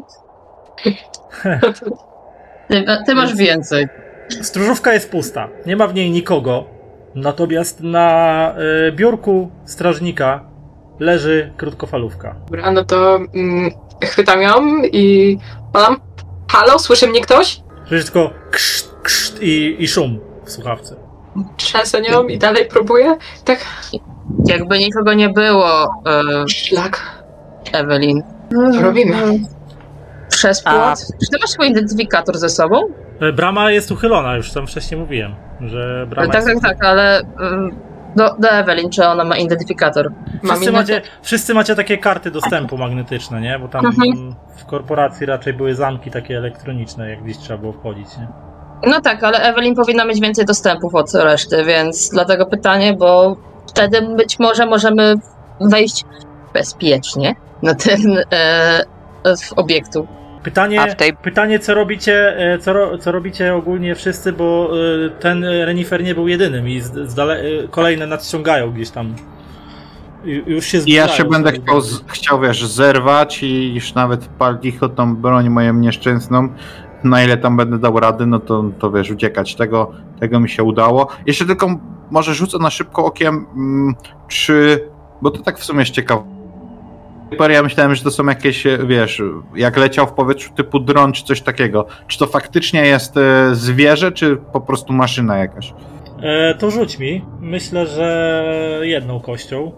My z, chyba z Ewelin w takim wypadku będziemy zmierzać do bramy, co nie? No niewiele jest. Więc Niewiele tak. możemy zrobić, więc chyba tak. Stanisławie, jeżeli chodzi o e, renifery, o ile ci wiadomo, mimo tego, że jesteś, pracujesz w ochronie, więc e, nie jesteś jakoś głęboko zaangażowany i jakby poinformowany, co, na, na, na, nad czym pracuje Santa Corp i jakich technologii używa do tego, żeby nie wiem, tam jakieś świąteczne eventy ogarniać i temu podobne rzeczy, ale z tego, co ty słyszałeś, oczywiście, kiedy tam Mikołaj Santa Corpu pojawiał się gdzieś w towarzystwie reniferów, to raczej, o ile ci było wiadomo, to nie wykorzystywano prawdziwych zwierząt, tylko drony, które były e, jakby otoczone pewną technologią i generowały jakieś tam holograficzne obrazy, że to był w środku był tak naprawdę dron, który tam świecił jakimiś światełkami, a wokół siebie generował tak jakby holograficzny obraz renifera. I to, i to naprawdę był i, dziwi cię bardzo, że to cholerstwo na pewno nie, nie jest dronem, tylko raczej jakimś wy, wywalonym z filmów science fiction połączeniem z, y, zwierzęcia i, i Terminatora. Więc, więc po prostu tylko pod nosem złorzecząc, podobno zabawki robimy. Ruszam w stronę, e, w stronę jakby e, będę chciał też, też uciekać, natomiast myślę, że skoro tam wcześniej dostałem ten punkt obłędu, to, a to był już drugi raz, że ja się starałem komuś pomóc i w sumie ja na tym, e, może no wcześniej dobra, to po prostu wszyscy spadliśmy z nieba, teraz to ja oberwałem, więc myślę, że z tym punktem obłędu to będzie się trochę u Stanisława zmieniało to, że już mniej w swoich działaniach będzie zwracał uwagę na innych. Że zaczyna u niego powoli to, że kurde, jednak nie, może nie do końca opłaca się być takim bohaterskim zawsze. Mhm. Ja mam jeszcze pytanie, e, czy w tej budce strażnika jest, było tylko to walkie-talkie, czy tam coś jeszcze jest, jakiś komputer, monitoring, cokolwiek? Hmm, wiesz co, jest y, komputer, prawdopodobnie służył do e, Boże, rejestrowania osób, które, czy pojazdów, które prze, przejeżdż, prze, przechodzą, przejeżdżają przez bramę wjazdową na teren Santa Corpu, ale w tej chwili jest wyłączony. A jak sprawdzę, czy się włączy, to się włącza, czy się nie włącza? No to rzuć mi dwiema kośćmi, no bo to jest w, ramach twoich kompetencji. Mój wysuszony mózg wyobraził sobie, że nasz pan informatyk biega i zbiera wszystkie komputery ze sobą. Dokładnie. Wiesz 4-1. co? Odpalasz go i twoim oczom ukazuje się logo Windowsa Visty. Takie, o, otwie, takie oczy szeroko. Tak, Co kurwa? To jest dokładnie moja reakcja. To O powodzenia. odpala się stary, wiesz, stary system. Okazuje się, że to jakiś złom. Najprawdopodobniej na tą placówkę były pchane jakieś tam ostatnie sztuki po amortyzacji sprzętu, czy coś takiego. W każdym razie odpala się, odpala się jakaś stara wersja e, programu, gdzie kojarzysz, że ona wycofana była z użytku jakieś dobre 10, a może 15 lat temu. I widzisz, że po prostu ma, możesz sprawdzić program taki, wiesz, że tam re, rejestr logów, nie? Kto wszedł, kto wyszedł, w sensie wjechał, wyjechał i tak dalej, i tak dalej. I widzisz, że ostatnie, ostatnie jakieś przejście przez tą bramę było dwa dni temu. E, No to jak widzę, że nic więcej nie mogę sprawdzić, no to staram się biec tutaj za e, koleżankami, e, patrząc trochę, czy Stanisław gdzieś tam za nami idzie, czy coś się stało w ogóle z nim. No Stanisław to widzisz, że zebrał się ze śniegu, machnął ręką na gdzieś tam zgubiony w śniegu pistolet i wskakuje, wskakuje za bramę. Brama jest taka, że można go zasunąć taką sztabą, no i lepiej, żebyście to zrobili, bo praktycznie kiedy tylko... Pierwsze co robię, jak to zrobię. kiedy tylko właściwie zamykasz tą, tą bramę, to wzrost, uderza w nią rozpędzony renifer i tylko ta brama tak się zatrzęsła.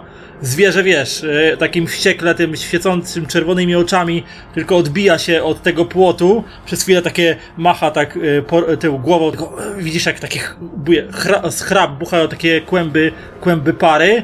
Tak grzebie tym racicą, nie wiem czy mają kopyta czy racice, nie, nieistotne. W śniegu i tak rozgląda się na boki tak, i potem zawraca i widzi, widzi, widzisz jak po prostu robi takie kółko, żeby po prostu się rozpędzić i, i, i tarnować e, tą, tą, tą bramę e, znowu. Tam gdzieś z daleka widzisz światło jakiegoś kolejnego renifera, który nadciąga. Co? co To ja co tym robicie? bardziej krzyczę "U- uciekajmy, uciekajmy dalej. Przecież one zaraz sforsują tą bramę i ogrodzenie. No i się Widzicie, rozglądam, czy W śniegu wyjeżdżone takie kolejne, jakby coś tam y, gdzieś jakiś czas temu widać po prostu y, tak jakby zwały od śnieżonego śniegu i że gdzieś tam pewnie nie, w miarę jeszcze te dwa dni temu była odśnieżona droga wiodąca gdzieś tam dalej w głąb kompleksu, no ale w tej chwili już jest też już mocno mocno zaśnieżona i tylko te zaspy po bokach odcinają, że widać, że to mniej więcej tędy biegła ta, ta droga gdzieś A tam. to powiedz, Żuraw, to tuż za bramą jest jakiś kompleks budynków, czy to jest tak, że przechodzimy przez bramę i dalej jest to powiedzmy śnieżne pole i gdzieś w oddali są te budynki? Dalej jest to śnieżne pole i gdzieś w oddali najprawdopodobniej tylko przesłonięte przez zawieruchę śnieżną i mgłę i są pewnie budynki dalej Santa Corpu. Co po kolejnach będziemy iść, ekipa? Chyba tylko to nam pozostało, patrząc na to, co się dzieje. zdecydowanie. Ruszajmy. Drogę! Ruszacie dalej, zostawiając za sobą cybernetyczne renifery, które strażnicze, które chciały was dorwać i po kilku dobrych minutach przedzierania się przez zimne zas, e, zaspy śnieżne docieracie do, do placówki Santa Corpu. Wita was płaski, szeroki budynek z logiem Santa Corpu, które chyba zostało stworzone na pewno nie z aktualnym logiem Santa Corpu, tylko jednym pewnie z pierwszych sprzed dekady, może, może więcej, może z podobnego okresu jak komputery, które, jak komputer, który Gabriel napotkał w stróżówce. W tej chwili wyłączony. Widać ogólnie, że w budynku jest raczej ciemno. Jest przez, tak, taka ta przeszklona ściana, tak, same, tak samo te rozsuwane drzwi wejściowe, e, ale budynek jest parterowy. Gdzieś tam w głębi dalej rysują się jakieś zarysy, może wystających jakichś elementów dachu, no ale ogólnie w koło widzicie, że tu musiał być gdzieś parking, ponieważ przysypane wi- wielkimi zwałami śniegu stoją pewnie jakieś samochody, czy jakieś inne pojazdy, które tutaj były używane do poruszania się może po terenie obiektu, a może gdzieś tam jakieś inne miejsca i jest tu kompletnie cicho. Nie ma żywej duszy, żadnego, żadnej, żadnej osoby, żadnego strażnika, nic. Czy jest tam jakikolwiek zamek? Coś w tym stylu? Kiedy podchodzisz do drzwi, fotokomórka zamontowana w systemie musiała e, wykryć ruch, ponieważ drzwi na początku tak się lekko przycinają, ale w końcu rozsuwają się na boki. ukazując wejście do lobby. Co to miało być? I spoglądam na Evelyn, no bo wiem, że ona gdzieś tam z jakichś tam wyższych y, części firmy. Wiedziałaś, że, że coś na tego, nas tutaj, aż się jąkać zaczął, takiego spotka? Może jeszcze bez wyrzutu, ale z jakąś trochę, trochę, nie wiem, niepewnością? Czy się nie okazało, że zostali przez górę wpakowani w coś, co każdy dobrze wiedział wcześniej, tylko nie oni? Ja skręcam do Stanisława głowę. Czy wyglądam, jakbym wiedziała, że coś takiego nas spotka? I rozglądam się po całym tym lobby, czy zobaczę coś podejrzanego, czy ciekawego. Lobby jest starym, takim starym korporacyjnym lobby, jeszcze w takim no, e, stylu sprzed, e, pewnie dziś może z lat 90. nawet. E, wiadomo, podłoga wyłożona płytkami w dwóch kolorach. Na górze w, suf w suficie wmontowane podłużne jarzyniowe lampy, które w tej chwili większość z nich jest wyłączona i tylko kilka się świeci, dając takie bardzo mdłe, ledwo e, widoczne światło. Po lewej stronie przy ścianie stoi choinka sztuczna, obwieszona różnego rodzaju ozdobami i też wygląda na bardzo starą i taką, którą nikt się nie zajmował od, e, od wielu, wielu lat. E, Lampki się w niej nie świecą. Naprzeciwko wejścia, po kilku metrach tego lobby, jest kontuar recepcyjny, przy którym nie widać też żywej duszy. Na lewo od kontuaru są podwójne drzwi, prawdopodobnie prowadzące gdzieś w głąb budynku, a za kontuarem e, recepcyjnym znajdują się, e, widać wejście, jakieś e, w korytarz i nad nim tabliczkę Centrum Ochrony. Żuraw, ponieważ to wygląda bardzo mocno jak porzucona jakaś placówka, która jest od wielu lat nieużywana, to Ingrid będzie chciała porozglądać się, żeby sprawdzić, e, gdzie my jesteśmy. Często w korporacjach jest podane, że to jest placówka taka a taka, w takim położeniu, e, więc będzie się błąkać po tym lobby albo może okolicznych korytarzach, żeby to ustalić, a ja biorę dwie minuty. Ja będę chciał podejść w takim razie, no bo dostaliśmy informację, że była utrata łączności, więc y, być może, czy wychodzi na to, że ktoś wcześniej pracował, więc chciałbym zwrócić uwagę, nie wiem, na kurz, na tym kontuarze, mm, wiesz, ogólnie na takie gdzieś tam e, podobnie jak, jak, jak, tutaj, jak tutaj wcześniej, kwestie tego, czy to faktycznie jest placówka opuszczona od jakiegoś już czasu, czy jednak no, wygląda na to, że nagle po prostu wszyscy zniknęli, bo kurz się jeszcze nie zdążył zebrać, czy coś w tym stylu. Mhm, to rzuć mi. Myślę, że dwiema możesz rzucić nawet. Mhm. A reszta coś robi? E, Ja się odwracam do Ewelin i pytam dwa dni czy dwa lata, bo no po, tutaj wygląda wszystko, gdy, jakby było porzucone więcej niż te dwa dni, o których było mówione. Jestem pewna, że wszystko uda nam się racjonalnie wyjaśnić.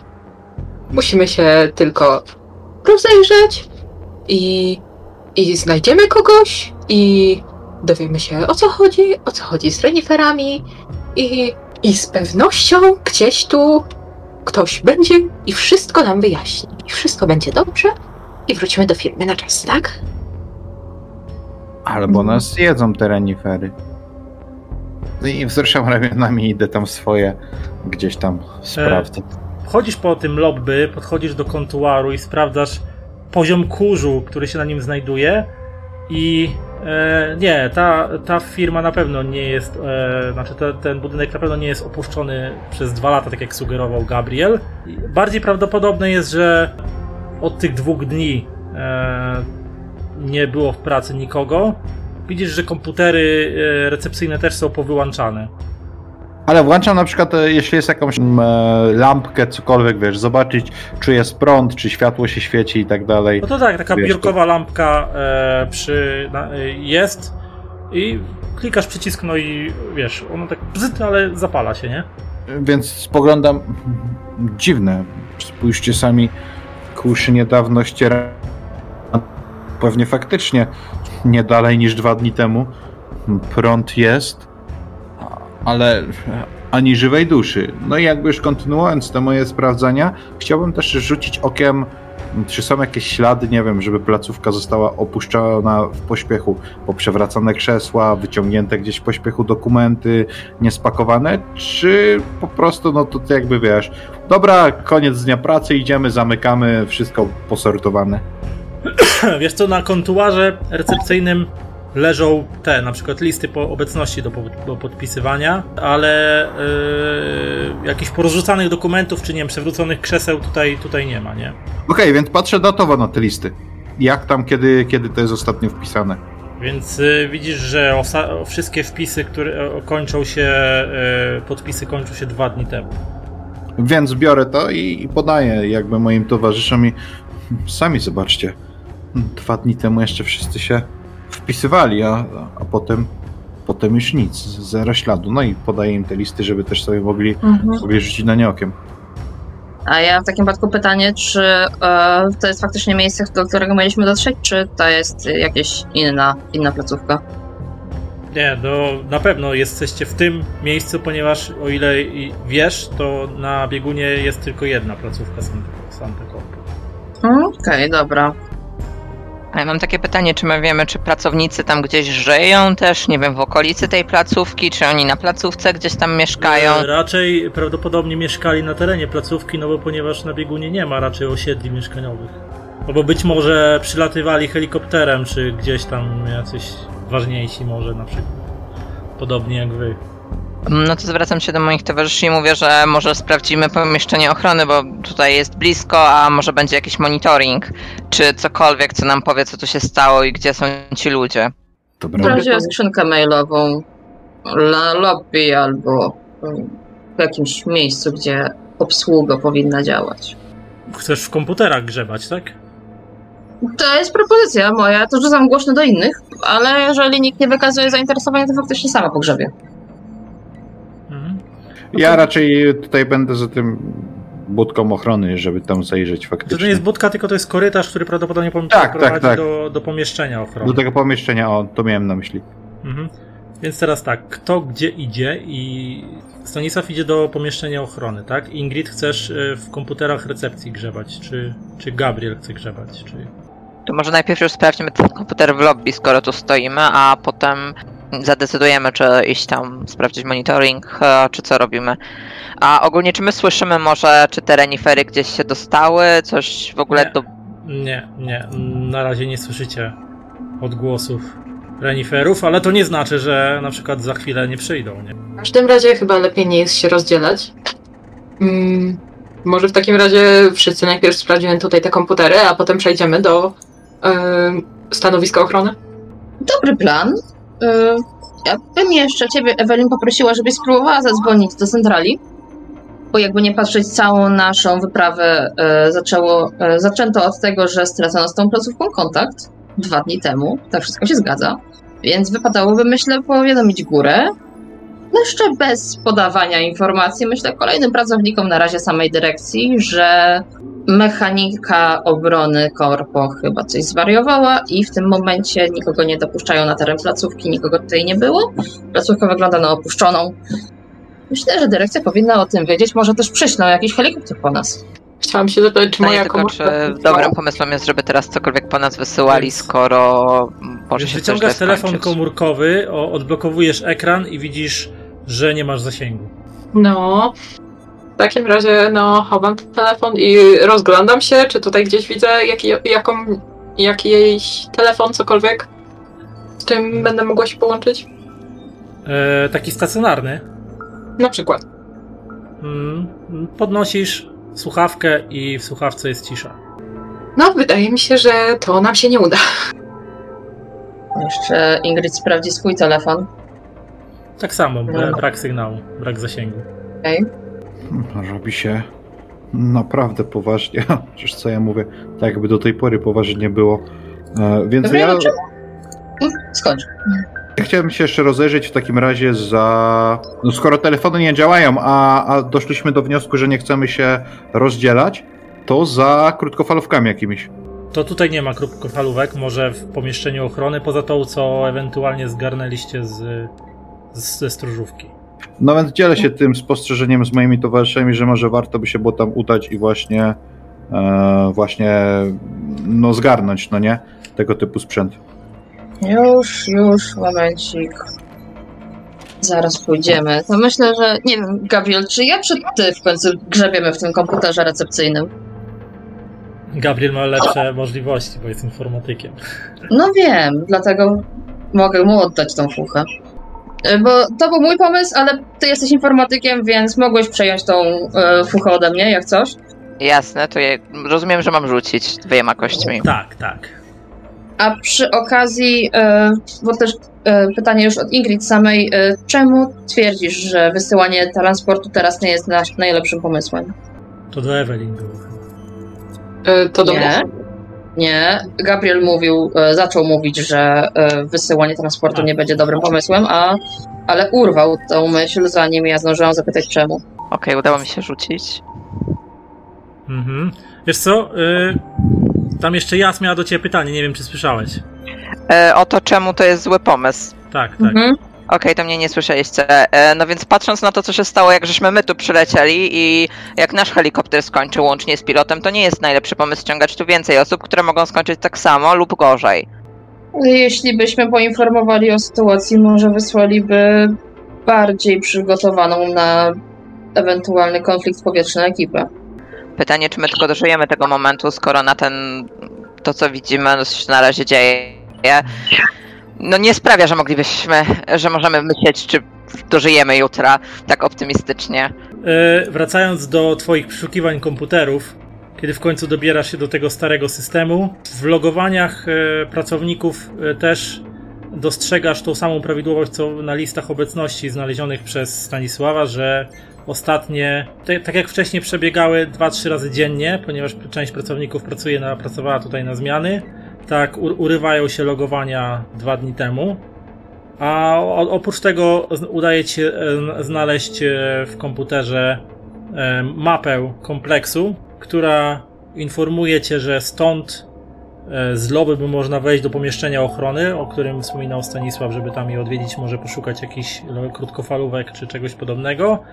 A te drzwi po lewej stronie recepcji, one e, wiodą na korytarz, który wiedzie do sekcji warsztatowej, produkcyjnej e, kompleksu, a z tej sekcji warsztatowej można przejść do e, w kolejne miejsca, na przykład do systemu kontroli wentylacji, do magazynu oraz do sekcji, do działu badań i rozwoju. A w dziale badań i rozwoju znajduje się laboratorium oraz pokój kierownictwa z systemem komunikacyjnym. Być może właśnie tam, gdybyście się udali, to udałoby się Wam nie wiem, zlokalizować usterkę, czy ewentualnie włączyć naprawić, włączyć niedziałający system komu- komunikacji, być może jakaś antena nie, nie działa czy coś i może odzyskalibyście zasięg wtedy na przykład.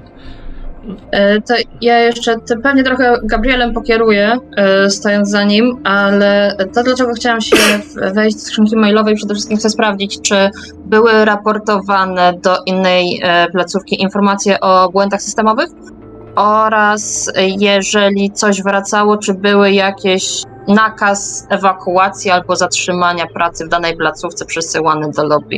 Stąd powinno to do innych działów zacząć przechodzić. Okej, to rzuć mi.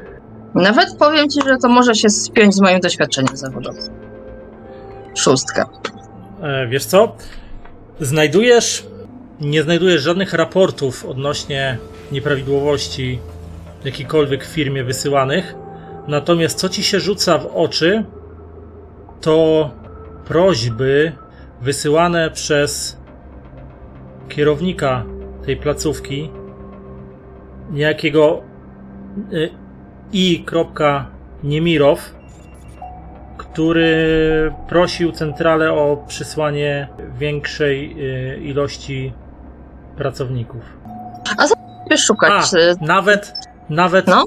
nawet to sformułowanie brzmiało przyślijcie więcej i tutaj takimi e, dużymi literami zbędnej siły roboczej. Expandable la- labor force. Zacznę sobie szukać, co ten pan Niemirow korespondował, czyli wyszukiwanie po nazwisku. Wiesz co, ogólnie to wychodzi ci na to, że to jest kierownik tej placówki, kierownik Wydziału Badań i Rozwoju. I, e, raczej e, bardzo jakieś takie suche e, polecenia typu pracownik tego działu ma się zgłosić do na przykład działu badań i rozwoju, pracownik ten e, nie, nie będzie już dłużej pracował na stanowisku e, takim i takim i takie jakieś bardzo takie suche komunikaty. Nic. Czy ty dzielisz się na, nami tym stwierdzeniem e, tej siły roboczej, jak to padło? Expandable Labor Force.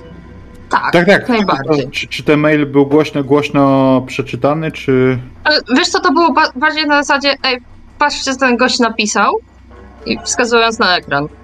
Więc myślę, że jeżeli zajrzałeś e, przez ramię, to proszę bardzo. Okej, więc ja tak spoglądam i co oni mogli mieć na myśli? To znaczy, że takie bardzo, nie wiem, europejsko-wschodnie myślenie. Tu jacyś niewolnicy pracowali albo coś? O co tu chodzi? Panie Stanisławie, pan mi powiedz. E, Ja z, ze słowiańskimi krajami wiele wspólnego nie mam. Pan tam pochodzi z tej Polski najbardziej na zachód od wszystkich Słowian. Może wy wiecie coś więcej o, o tych Nimirowach i innych, nie mam pojęcia nawet, które to dokładnie e, No. rejon waszej, waszej grupy językowej.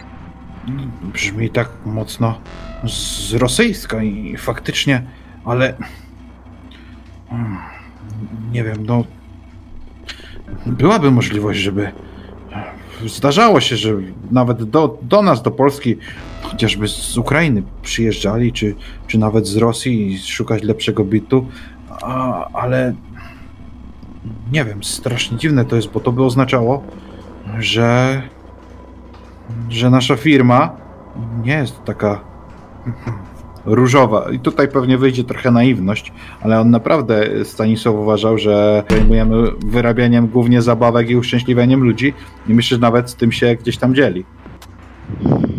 Panie Stanisławie, pracujemy w korporacji, tutaj nie ma różowo. Ale aż tak, Gabrielu? Wysyłanie ludzi na jakieś eksperymenty nie powinno mieć miejsca. Już bym nawet myślała, że to nas wysłali na eksperymenty, ale trochę placówka jest e, opuszczona, więc myślę, że pana Niemirowa albo nie spotkamy, albo jeżeli spotkamy, to nie, nie czeka go najprzyjemniejszy los. No może nas właśnie wysłali, żeby sprawdzić, jak bardzo źle jest i czy się odezwiemy. Więc właściwie wysłali nas pewnie na pewną śmierć. Dajcie spokój. Wszystko tutaj w dalszym ciągu wyjaśnimy, tak? I zbędnych pracowników dajcie. sp- No, nie miał. Co mógł mieć na myśli i. No tak, no może miał zły dzień. Dobrze. e, Nie, jest to tego więcej? ale jeżeli pan mi Więcej tych pozwoli, wiadomości? Nie, nie, to jest tylko, tak, tylko jedna, reszta to takie suche bardzo jakieś tam dyspozycje. panie Stanisławie, włączy pan to, to na chwilę i ja temu zdjęcie może zrobię. No to Bo jeszcze proszę, ktoś powie, proszę, że tego nigdy nie było, a wypadałoby to wyjaśnić. Strzelam zdjęcie tej wiadomości. Dla Jasne. potomnych, na wypadek, No, gdyby to. A telefony ogólnie wam działają, poza tym, że nie mają zasięgu. Mhm. To może czas, żebyśmy sprawdzili monitoring. No bo my nie, do, nie dotarliśmy w końcu do tej ochrony, no nie? No nie, nie, dobra, nie, cały te- czas teraz jest dopiero będziemy iść. No to, no to ciśniemy tam, no, że ja, ja stwierdzam, że Okej. faktycznie trzeba by sprawdzić, co tam się dzieje. Dobra. Idziecie wyciemnionym korytarzem, krótkim korytarzem w kierunku pomieszczenia ochrony, które e, tak właściwie okazuje się być niewielką kanciapą, w której normalnie pewnie mieści się może dwie osoby. Pierwsze co się rzuca w oczy to wygaszone lub szumiące takim białym szumem ekrany e, monitoringu. Drugą rzeczą to po raz pierwszy napotykacie istoty ludzkie, tylko że martwe. Trupy dwóch strażników w uniformach, gdzie jeden zwisa bezwładnie na fotelu naprzeciwko panelu tego sterowania tym monitoringiem, drugi przy, w dziwnej pozie jest po prawej stronie przy ścianie i obaj wyglądają znaczy, obaj mają wielkie dziury w korpusach i wygląda jakby coś przebiło ich na wylot. Coś albo ktoś. Czymś dużym. Chciałbym, jest żebyście teraz, chciałbym, żeby teraz, żebyście rzucili kością szaleństwa. To ja tak tylko zapytam w międzyczasie, czy jest szansa, że to było to poroże, co ich zabiło? Nie, to raczej wyglądało na coś większego niż poroże. Zresztą poroże reniferów jest tępe, więc żeby cokolwiek przebiło, to musiałoby z potworną siłą się wbić. Ja jedynkę wyrzuciłem. Okej. Ratunku. Ja mam E, pięć. je- je- To ci, co wyrzucili więcej niż aktualny stan szaleństwa, no to zyskujecie kolejny poziom. Wspaniale. Co ciekawe, dostrzegacie, ta osoba, która, naj, najlepiej, żeby ta osoba, która, po, której podniósł się poziom e, obłędu, dostrzegasz, że zwłoki strażnika po prawej stronie, e, spoglądasz się w lewo i widzisz hmm, bardzo nietypową rzecz, ponieważ widzisz, że na ścianie pod sufitem mieści się otwór wentylacyjny, taki dosyć duży, ponieważ jest to nie jest to, taki, nie jest to taka wentylacja jak w krajach e, słowiańskich, jak w Polsce, że taka niewielka, że tam nie wiem, szczurby tylko przez to przelaz, tylko taka większy, prostokątny otwór wentylacyjny, w którym człowiek mógłby się czołgać. Mhm. Kratki wyjść, e, otwór wentylacyjny. Kratka z tego otworu wentylacyjnego jest wywalona, leży na podłodze. Od kratki wentylacyjnej przy, po ścianie ciągną się takie ciemne smugi, y, jakby zaschnięte jakieś cieczy oraz widać dziurę po kulach, które idą od tej kratki wentylacyjnej aż w kierunku podłogi. Jak się obok, z- obok ochroniarza leży na podłodze jego pistolet. Ewidentnie strzelał do kogoś lub czegoś, co wyszło z tej kratki wentylacyjnej. Ingrid tak po prostu palcem pokaże na ten śluz, co się ciągnie po ścianie, na tą kratkę. W sumie y, jej tak taka dziwna myśl przeszła, ale nie może się jej pozbyć, mimo że to prawdopodobnie nic nie pomoże, ale weźmie tą kratkę z tej podłogi i tak wejdzie, spróbuje chociażby włożyć w ten otwór po niej, nie montując, nawet jej nie przykręcając, ale żeby to chociaż lekko normalniej wyglądało. To, to rzuć. Rzuć na zakładanie kratki. Jedno. Kurde, na co? Na zakładanie kratki to tylko Tak. włożyć do środka. Masz trzy. Więc y, zakładasz tą kratkę y, i nawet się trzyma. Tylko ubrudziłaś sobie ręce jakąś taką brunatną, wpadającą w czeń mazią. Wy- Mówię, e, no ten, y, wytrę to może. Mm. Ja chciałabym wziąć tą broń i zobaczyć, czy są tam jeszcze kule, czy coś. Bierzesz Czy- broń, e, Mhm. odbezpie- wyciągasz magazynek i widzisz, że magazynek jest pusty. Okej, to czy mogę się... wystrzelał, wystrzelał wszystkie pociski. Okej, a czy mogę się rozejrzeć, czy tu gdzieś może będą pochowane? Coś? Jasne, możesz się... No, czy to jest taka standardowa broń, w sensie może, może być tak, że, i- że Taki po sam pistolet, moje, jaki ty masz, nie? Czyli moje zapasowe magazynki mogą tam pasować. Tak, jeśli... Tak, No więc, masz. no więc wyciągam, no bo to przeważnie jest tak, że jeden czy dwa magazynki, więc, więc, więc wyciągam je i, i podaję.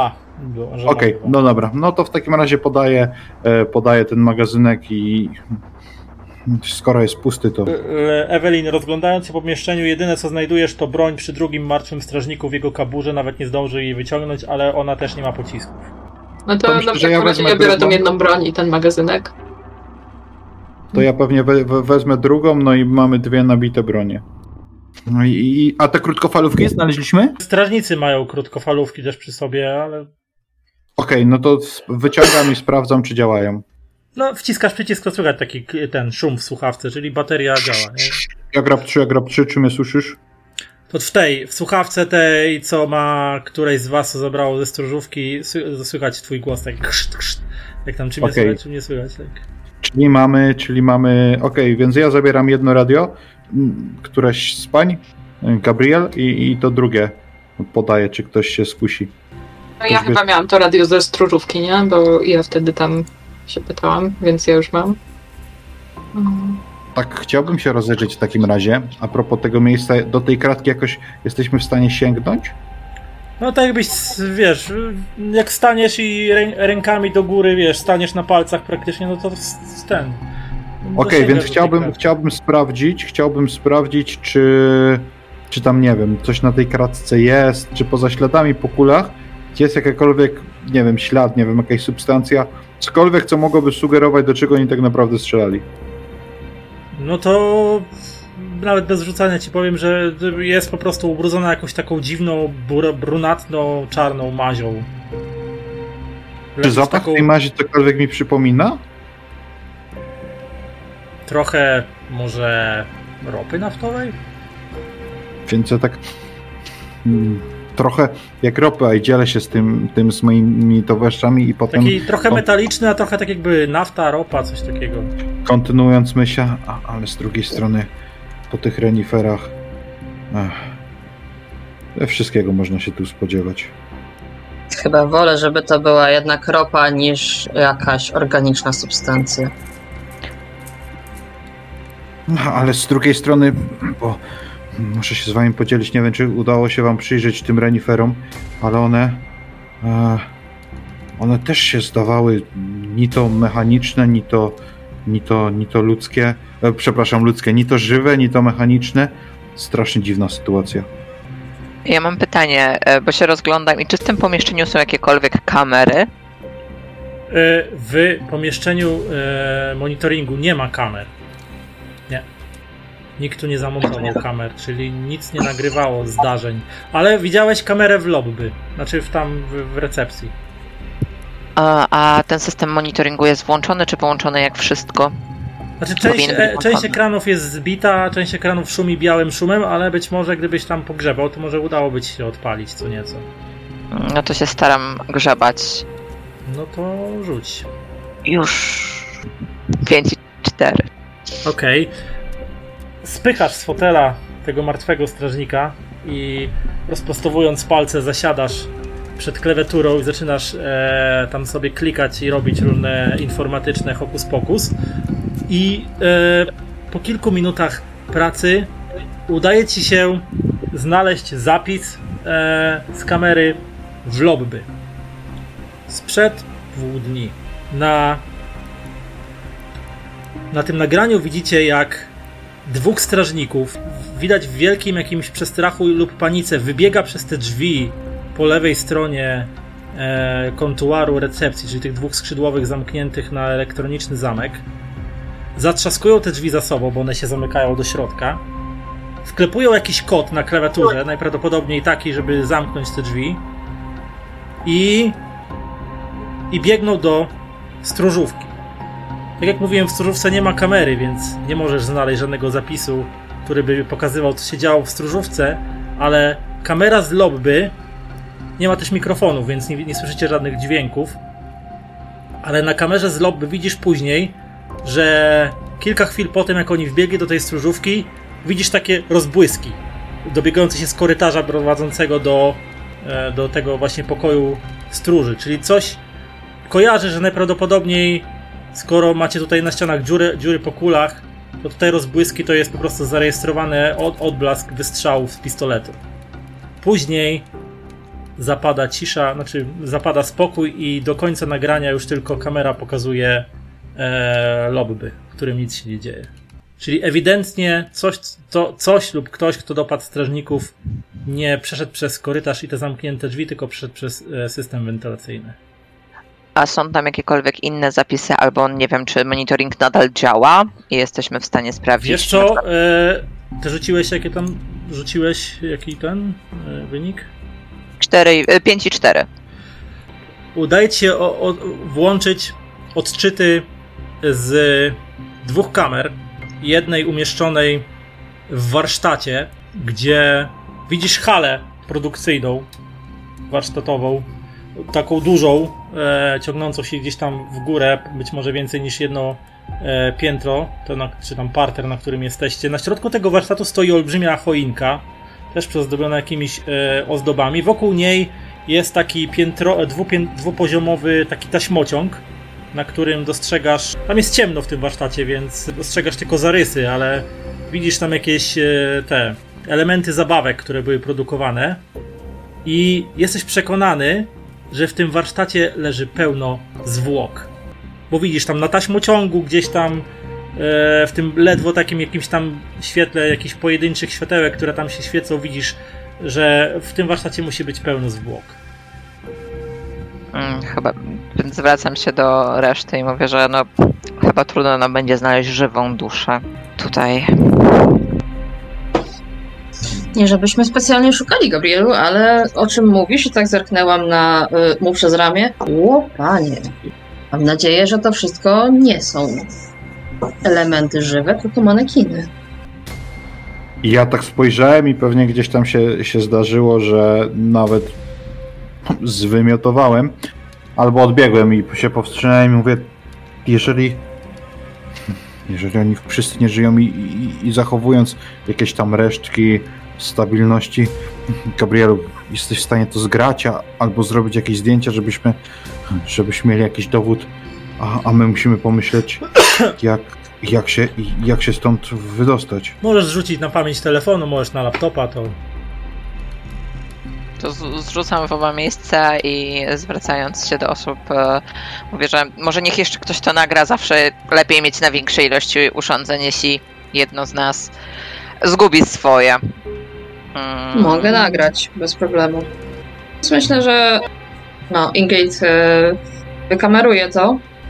Ja głośno tam dalej trochę to przeżywając, ale co mogło, co mogło zrobić im taką i tyle, tyle, tyle ludzi. Ja jestem po prostu w takim, no może nie szoku, bo jednak różne rzeczy na szkolenia widziałem i ten, ale po prostu nie do końca w takim trochę, tak mówię, może starodawnym myśleniu, mm, myśleniu Stanisława mieści się to, że ktoś po prostu taką zbrodnię, takie morderstwo mógł pełnić w takim miejscu i Mhm. ale wziął, wziął się w garści no dobrze, skoro mamy już i, i, i wiemy co się stało, co dalej?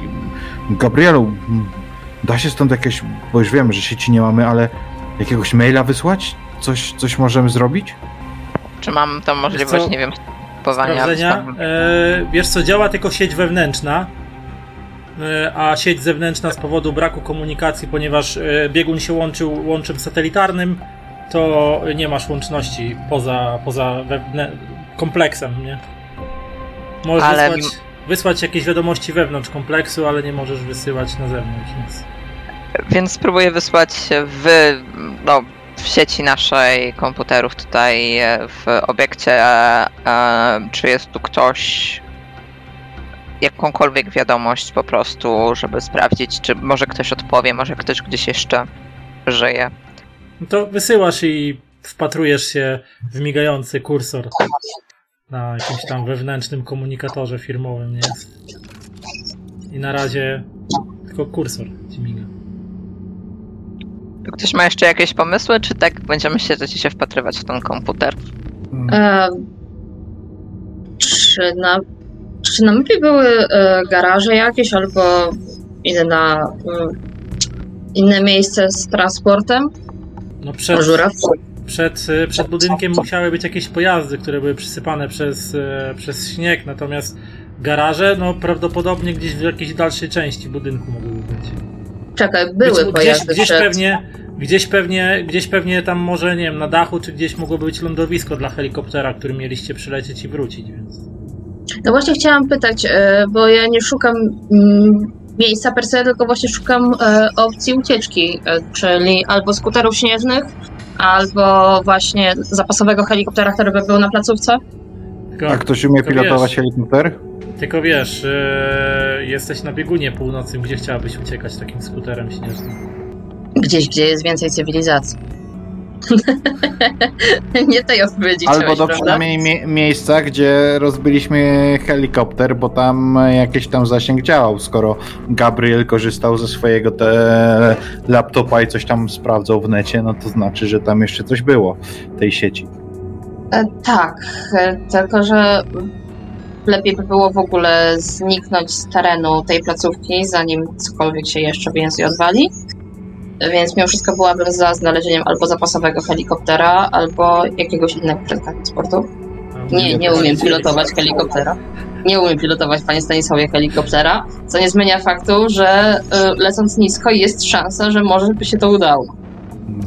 No, tylko że żeby polecieć, to trzeba wystartować. Może faktycznie, czy pani, czy, czy może pani Ewelin, czy nawet pan Gabriel gdzieś tam wcześniej helikopterem latali, a dla mnie to był pierwszy raz i szczerze mówiąc nie przyjrzałem się za bardzo, co, co robił, e, co robił pilot, a wydaje mi się, że możemy nie mieć czasu na czytanie instrukcji, jeśli takową znajdziemy.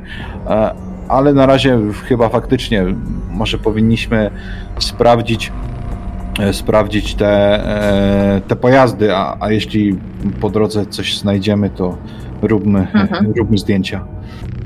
No dobra, to co było przysypane śniegiem przed placówką żura? Więc wychodzicie e, na zewnątrz, mm, opuszczacie budynek i próbujecie odkopać jakiś pojazd.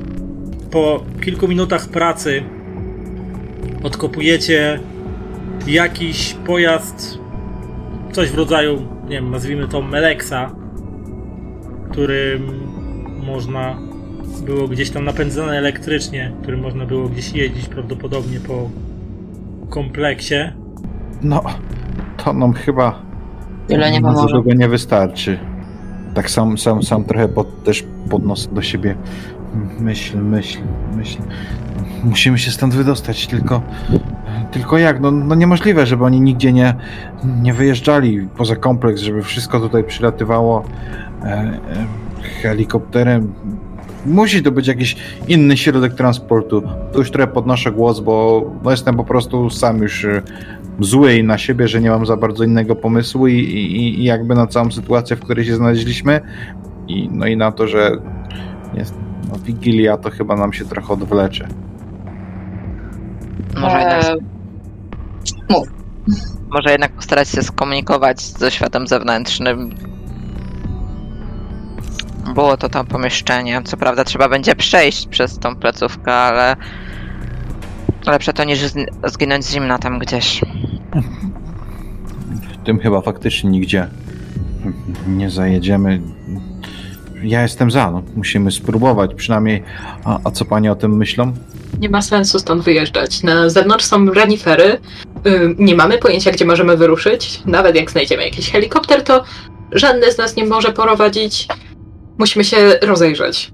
Ym, Po całym Panie kompleksie. Ewelin, jesteśmy zamknięci w kompleksie. Na zewnątrz są istotnie renifery. E, nie mamy tu jedzenia i prawdopodobnie coś krąży po obiekcie, co zamordowało strażników. Nie możemy się stąd ruszać na pewno. W sumie to nie wiemy, czy nie mamy jedzenia.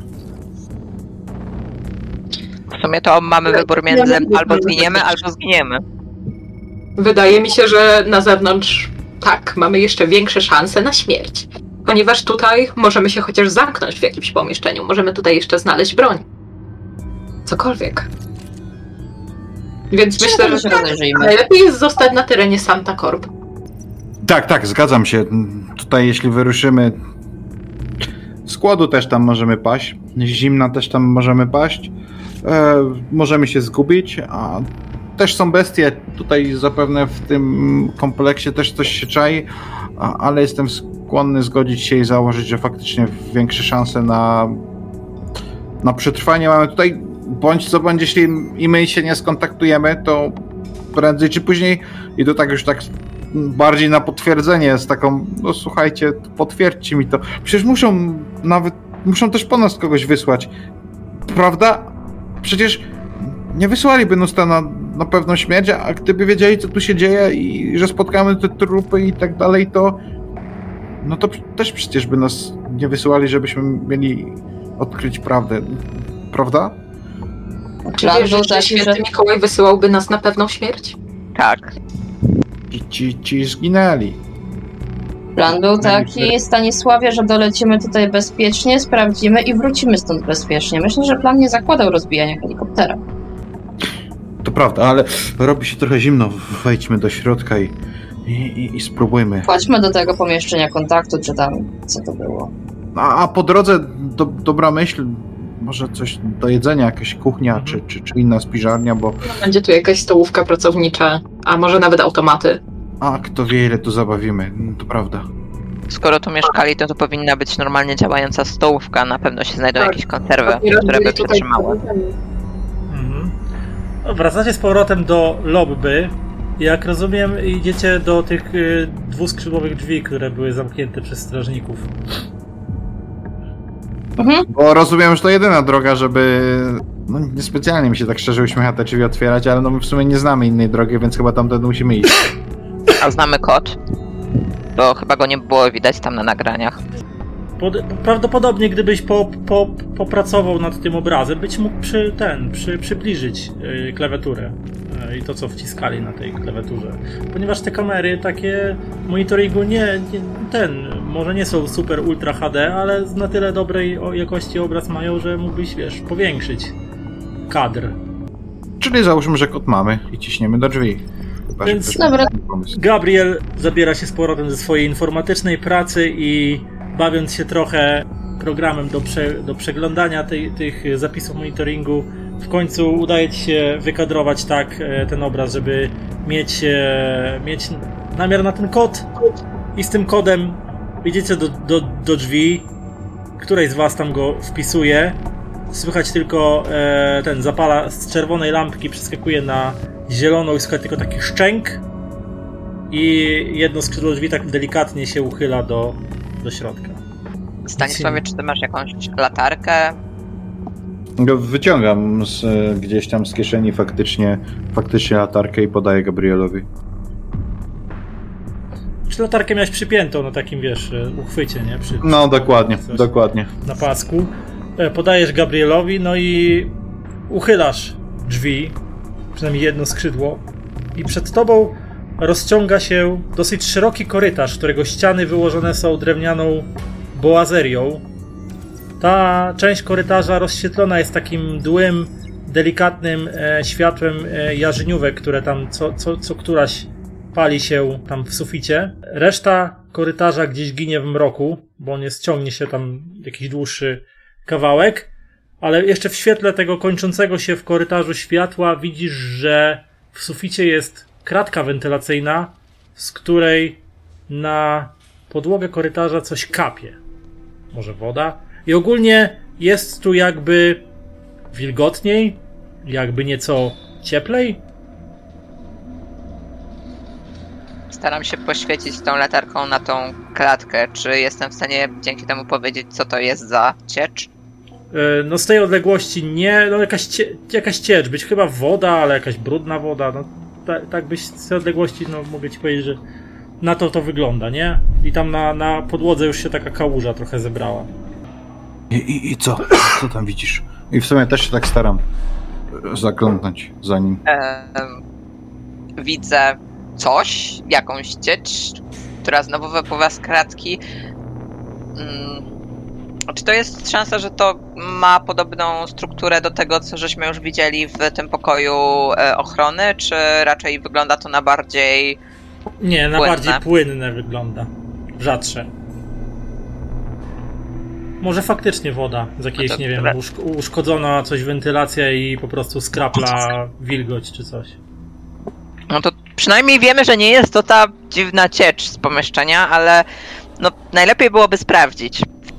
Czyli co? I tak się rozglądam tutaj po towarzyszach wszystkich. Wchodzimy? Chyba tak. Przynajmniej ostrożnie. To, to broń w gotowości, więc. I, i, i jak, to, jak to na tych, na tych filmach amerykańskich. Pistolet w jednej dłoni, w drugiej ta latareczka, tak cyk, cyk, cyk. No i, i, i chyba wchodzimy. Więc wchodzicie i delikatnie e, przesuwacie się tym korytarzem powoli i ostrożnie e, wzdłuż. A drzwi chyba zostawiamy otwarte, no nie? Myślę, że nie będziemy Znaczy, ze- to byłoby mądre raczej zostawić je. na wszelki wypadek. Uchylone No. przynajmniej. Tak. E, Ja nawet e, zaproponuję, żeby w razie czego je czymś przyblokować, żeby się za nami nie zatrzasnęły. jakimś krzesłem obrotowym z recepcji czy cokolwiek. Nie? Mhm. no, coś tam, coś tam. Straciłam e, fokus chwilowo. My wchodzimy w tym momencie do laboratorium, czy po prostu w jeden Korytarz z korytarzy? do sekcji warsztatowej, w której Gabriel wyłapał z monitoringu, że jest dużo trupów. A, tam się skierowaliśmy, okej. No tam się jedynie da dotrzeć, bo dalej one Do sobie tego pomieszczenia. ciągną się Okej. za sobą kolejno te sekcje budynku, więc Dobra? Powoli przesuwacie się korytarzem i oświetlając sobie drogę latarką docieracie do miejsca, z którego sufitu z kratki wentylacyjnej skapuje. Najprawdopodobniej już z tej odległości możecie raczej stwierdzić, że to jest raczej swego rodzaju jakaś brudna woda, e, ale wolicie tego nie, e, nie dotykać żeby przypadkiem nie narazić się na jakieś dziwne i niespotykane e, spotykane rzeczy. Nawet Gabriel świecisz latarką w tą kratkę, ale poza tym, że skapuje z niej ciecz, to niczego więcej nie widzisz. E, jesteście tak mniej więcej już w połowie tego korytarza i widzicie, że dalej na końcu jego e, znajdują się dwuskrzydłowe drewniane drzwi z jakimiś takimi e, pasami, wzmacniane pasami metalu i te drzwi są przyozdobione ozdobami świątecznymi. Są zamknięte i na suficie nad tymi drzwiami widzicie otwór kratki wentylacyjnej, ale kratka leży wyłamana na, na, na podłodze korytarza. Mm, więc podchodzę ostrożnie i, i będę chciał tam poświecić, bo rozumiem, że te drzwi są całe lite, nie ma żadnego, nie wiem, e, okienka, żadnej pleksji. Drzwi są całe lite i jak podchodzisz do nich, to widzisz, że one otwierają się na e, ten, na czytnik magnetyczny. Trzeba przyłożyć kartę, żeby, żeby się otworzyły. A jak świecisz kratko w górę, to, to widzisz e, ciemny otwór szybu wentylacyjnego i widzisz, że jest on brudny w podobny sposób, jak y, brudny był e, szyb wentylacyjny w pokoju ochroniarzy. A czy jesteście za tym, żeby otworzyć w takim wypadku je tym kartą, czy kombinujemy tak, żeby je otworzyć bez karty? Lepiej spróbować kartą, żeby ewentualnie mimo wszystko był, był jakiś ślad w systemie, moim zdaniem. Ja też tak spoglądając, może lepiej nie zbliżajmy się za blisko do tych otworów, a, a przynajmniej trzymajmy taki dystans, na ile się da. O, coś wyraźnie porusza się wentylacją. Pamiętacie Harry'ego Pottera? Tam bazyliszek. Co prawda w kanalizacji, kto wie, co tu w rurach łazi. O, spróbujmy kartą. Myślę, że gdybyśmy te drzwi próbowali rozbroić inaczej, narobilibyśmy za dużo hałasu. A, no i może faktycznie starajmy się trochę ściszyć głosy. I tak cały czas się rozglądam po tej wentylacji, nasłuchując, wypatrując, czy coś tam nie da z niej znaku życia albo nie życia, no bo już wiemy, że tutaj nie tylko żywe stworzenia, ale i jakieś mechaniczne rzeczy mogą wejść pod uwagę. Mhm. Więc przykładacie jakąś kartę którejś z was, swoją pracowniczą, mhm. do czytnika też Access Granted, słyszycie z głośniczka i e, ten zamek w drzwiach puszcza. Możecie je otworzyć.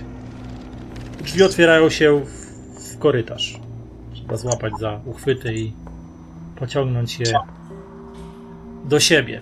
Tak jak e, widział na, na kamerze z monitoringu Gabriel, znajdujecie się w sporej hali której sufit jest nieco wyżej położony, powiedzmy jedno piętro wyżej nad tym, co do tej pory mieliście w budynku.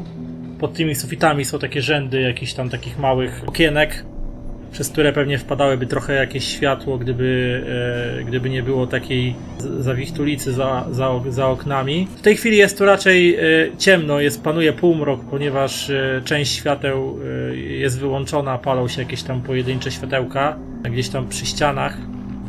Ale widzicie w tym półmroku, że faktycznie jest to jakaś hala produkcyjna z tym taśmociągiem, z tą olbrzymią choinką, która też chyba nikt się nią długiego czasu nie zajmował, bo te wszystkie ozdoby, które na niej wiszą są stare pobite, potłuczone, światełka nie świecą. Ciała, które tutaj leżą, są poubierane w zielone uniformy, które kojarzą się z elfami świętego Mikołaja. Część z nich jest już na pierwszy rzut oka widać pokiereszowana, poprzebijana na wylot w podobny sposób jak ci strażnicy w pokoju ochrony, ale też y, część z nich ma jakieś tam na przykład ewidentne, nie wiem, porozbijane głowy, a temu podobne rzeczy, ale część ciał wygląda na nietknięte, przynajmniej na pierwszy rzut oka. Co tu się mogło z po przeciwnej stronie tego taśmociągu i choinki, która stoi na środku, znajdują się kolejne dwuskrzydłowe drzwi zamykane na zamek e, magnetyczny, opisane dział badań i rozwoju. A od waszej lewej i prawej strony ciągną się e, na końcach pomieszczenia ciągną się korytarze w głąb jeszcze ko- kompleksu. Z tego co pamiętam, trzeba było przejść przez ten dział badań, żeby dostać się do pomieszczenia z komunikacją. Mm, A kto wie, może na miejscu znajdziemy jakieś hmm, dokumenty albo pliki, które jeszcze bardziej rzucą trochę światłem tą sprawę. Może znajdziemy tam jakieś tropy umożliwiające sprawdzenie, naprowadzające nas na to, co, co tu się na nas czai. Więc co robicie? Bo tak stoicie na wejściu do tej hali i widzicie te trupy. Może po prostu idźmy dalej, póki jeszcze ja tak możemy. myślę, żeby jak najszybciej tutaj się przemieszczać, skoro znamy drogę, że tak jak Gabriel wspomniał, że musimy iść przez ten dział, no to tamtędy powinniśmy iść. Więc y, kierujecie się do dwóch skrzydłowych drzwi e, oznaczonych właśnie info, e, tabliczką informującą, że to prowadzą do działu badań i rozwoju. I zbliżając się do nich widzicie, że na ekraniku e, zamka elektronicznego, który też blokuje drogę do dalej, jest, wyświetla się informacja blokada awaryjna. Blokada awaryjna. Czy mam szansę je otworzyć Mm. z, ra- z racji mojego zawodu? Raczej. Znaczy, rzuć to ci ewentualnie powiem, czy masz szansę to otworzyć, ale. Nie, bo znowu mi was pocięło. E, czyli jedynka i dwójka, tak? e, e, Jak pamiętaj, że jak chcesz, to możesz przerzucić. E, tylko wtedy z kością szaleństwa, czy obłędu rzucasz. Chyba pytał, czy zaznaczyć dwie kości. Jedynka i dwójka, tak. 5 i 5. E, wiesz co? Z tego co wiesz, z, e, z, jak działają systemy zabezpieczeń w firmie, blokady awaryjne e, są e, stosowane w drzwiach takiego typu w, raczej wyjątkowych okolicznościach, takich jak skażenie biologiczne, pożar, jakiegoś innego typu niebezpieczeństwa środowiskowe, które mają po prostu odciąć dostęp do w ten sposób jakby niebezpiecznych e, sektorów, na przykład jakichś laboratoriów czy innych sekcji biurowców, e, więc najprawdopodobniej nie da się tego obejść tak po prostu podpinając się pod e, kabelki w zamku. Musisz znaleźć jakieś ste sterowanie po prostu, jakiś nie wiem, system kontroli, który by pozwolił albo e, sprawdzić co się dzieje dalej, albo oszukać w jakiś sposób system, że nie ma już niebezpieczeństwa, które narzuciło blokadę awaryjną na te zamki. W tym momencie, w tym momencie, gdzieś za wami słyszycie takie gwałtowne jakby gdzieś coś pod sufitem, gdzieś za wami, chyba może z korytarza, którym przyszliście, coś się przemieszczało. Mhm.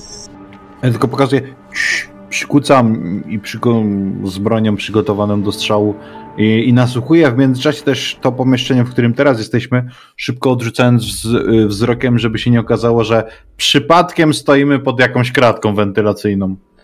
Nie, nie stoicie pod żadną kratką wentylacyjną, ale właśnie słyszeliście jakieś takie coś, jakby przemieszczało się e, kanałami wentylacyjnymi i z niepokojem rozglądacie się po sobie. Nagle Czy w ogóle wasze, w tym miejscu jest jakaś kratka wentylacyjna? Wybacz, że ci przerwałam? w tym miejscu, w którym Tak. stoicie, W tym e, korytarzu. W tym całym korytarzu. czy to jest hala? To jest hala.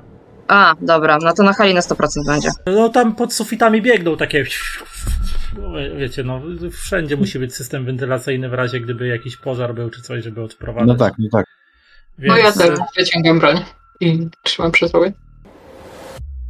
E, W tym momencie wasze krótkofalówki ożywają. Słyszycie takie krzt, krzt. I nagle taki głos. Czy ktoś tu jest? Widziałem, e, że ktoś otworzył drzwi kartą. Centrala w końcu kogoś wysłała. Jestem w zachodnim skrzydle.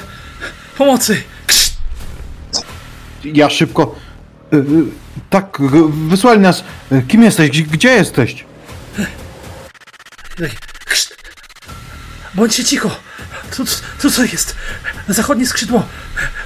Centrum kontroli wentylacji. Krzt. Czyli jakby jak, we, jak weszliście do takiej hali, to korytarz na lewo. Więc Mhm. jak już padło, jesteśmy cicho, to tak z takim pytającym wzrokiem spoglądam na te, moich towarzyszy, jednocześnie dalej nasłuchując ze wzroku zapytanie, czy, czy idziemy w tamtą stronę. Wypadałoby tego człowieka chociażby przesłuchać, więc jestem za tym, aby iść. Dajmy się tam. To one w ogóle spokojne, jakby na co dzień takie rzeczy, te no, dobra, idziemy. Nie, e, Ingrid nie jest spokojna, tylko ja też nie chcę do, do końca krzyczeć e, w tym. W, e, Boże, Wiadomo, w wiadomo. No, a ja dalej stoję z bronią w mojej ręce, prawda? Nie chowam jej w ogóle. Już raczej nie. Ruszacie powoli w kierunku e, korytarza wiodącego do zachodniego skrzydła, gdzie znajduje się centrum kontroli e, systemu wentylacyjnego. I słyszycie, jak nad wami coś kratką wentylacyjną. U wejścia, stając u wejścia do korytarza, widzicie, jak jedna z kratek wentylacyjnych w tym korytarzu wypada z hukiem łup na ziemię. I tak z tego otworu wentylacyjnego słyszycie tylko takie.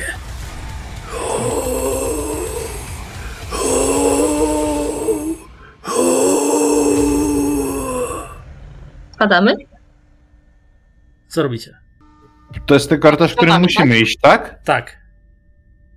Tylko on jest taki dosyć szeroki, nie? Że spokojnie dwie, trzy osoby takie idące obok siebie się w nim zmieszczą, nie? Ja jestem za tym, żeby spadać. No ale my musimy tam przejść pod tym. E, nie, nie, nie. Aha, dobra. No to co? No to ja pruję w, jakby w to miejsce, z którego się hałas, hałas zdobywa. Może nie cały magazynek, ale... W sensie- ze trzy, cztery- W Strzela. kratkę wentylacyjną, tak? No, jeżeli jakby po... No wiadomo, że jest wentylacja, więc się trochę na pewno hałas niesie, ale jeżeli mniej więcej jestem w stanie sobie umiejscowić jeszcze bardziej z tej wentylacji od naszej strony, czy może z tej drugiej, gdzieś w okolicy tej kratki, to właśnie chciałbym, chciałbym, no już po prostu wiem, że musimy tam przejść, a nuż widelec bez je ubije. Mhm. Więc rzuć mi e, tylko z dodatkową kością szaleństwa. Okej. Więc wyciągasz pistolet, oddajesz kilka strzałów. Jeden, dwa, trzy. Przez chwilę nic się nie dzieje, a później z kratki z takim hukiem wypada na e, podłogę jeb. Taki wielki, brudny, poplamiony worek. Z kratki dobywa się takie.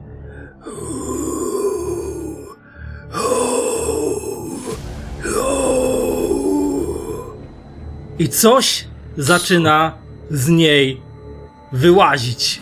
Tak powoli, jakaś taka bezkształtna, zielonkawo-brunatna masa zaczyna powoli wypełniać otwór w kratce i wylewać się na jakby z niej w kierunku podłogi. Rzućcie sobie wszyscy na test błędu. O kurde. Łoho. E, to myślę, że będzie wystarczający powód dla Ingrid, żeby zawrócić i spierdalać przez drzwi. Więc e, Ja myślę, że podobnie zrobi to Stanisław. Gabriel to samo. W ogóle nie był jakoś zachwycony tym, że szliśmy tam dalej. Absolutnie i ja. Spierdalam. Więc rzucacie się, znaczy rozumiem, że uciekacie tą drogą, którą przyszliście, tak? Tak. Okej, więc rzucacie, nie oglądając się za siebie, rzucacie się z powrotem e, korytarzem w kierunku zastawionych przez jakieś krzesło wiodące do lobby drzwi. Za sobą słyszycie tylko jak coś z takimi plaśnięciami spada na, na podłogę, a potem słyszycie tylko takie i coś krz, krz, takimi pl- plaskającymi odgłosami tak za wami się, się porusza. Kto miał z was najniższy wynik? Lenka, tak? E, znaczy ten, Ewelin. Oglądasz się za siebie i widzisz coś, co prawdopodobnie w twoich koszmarach sennych zostanie ci do końca życia, bo oto goni was jakaś pokraczna, karykaturalna, przypominająca z grubsza humanoidalną postać w strzępkach ubrania świętego Mikołaja, tylko wygląda tak, jakby ktoś zamienił ją w bezkostną masę z głową przekręconą o 180 stopni, zrobił z niej jakąś taką paj pająkopodobną istotę na płynnych kończynach, która nogą ciągnie ten brudny worek i z tej głowy zwisa taki strzępek czerwonej czapki z pomponem, a jej oczy świecą się takim czerwonym światłem. I ona tylko i ona, wiesz, idzie za wami, ciągnąc ten worek tak nogą za sobą. Mikołaju, my byliśmy grzeczni i uciekam dalej. E, Dobiegacie No. do, dobiegacie do tych drzwi i e, Ewelin, ostatnia, zamykasz za, za sobą je i nerwowo wpisujesz jak, jak ten kod, jak ten jebany kod. Zamek zamknął się e, w ostatnim momencie. Prze- Lampka z, z zielonej zapaliła się na czerwoną. Jeszcze tylko jak łup coś w te drzwi. Łup coś w te drzwi. I Tylko takie przytłumione. Co, y, co, co, co to było? Co, co widziałaś? Tak dysząc jeszcze. nie, nie mam pojęcia, jak to opisać. Czy to.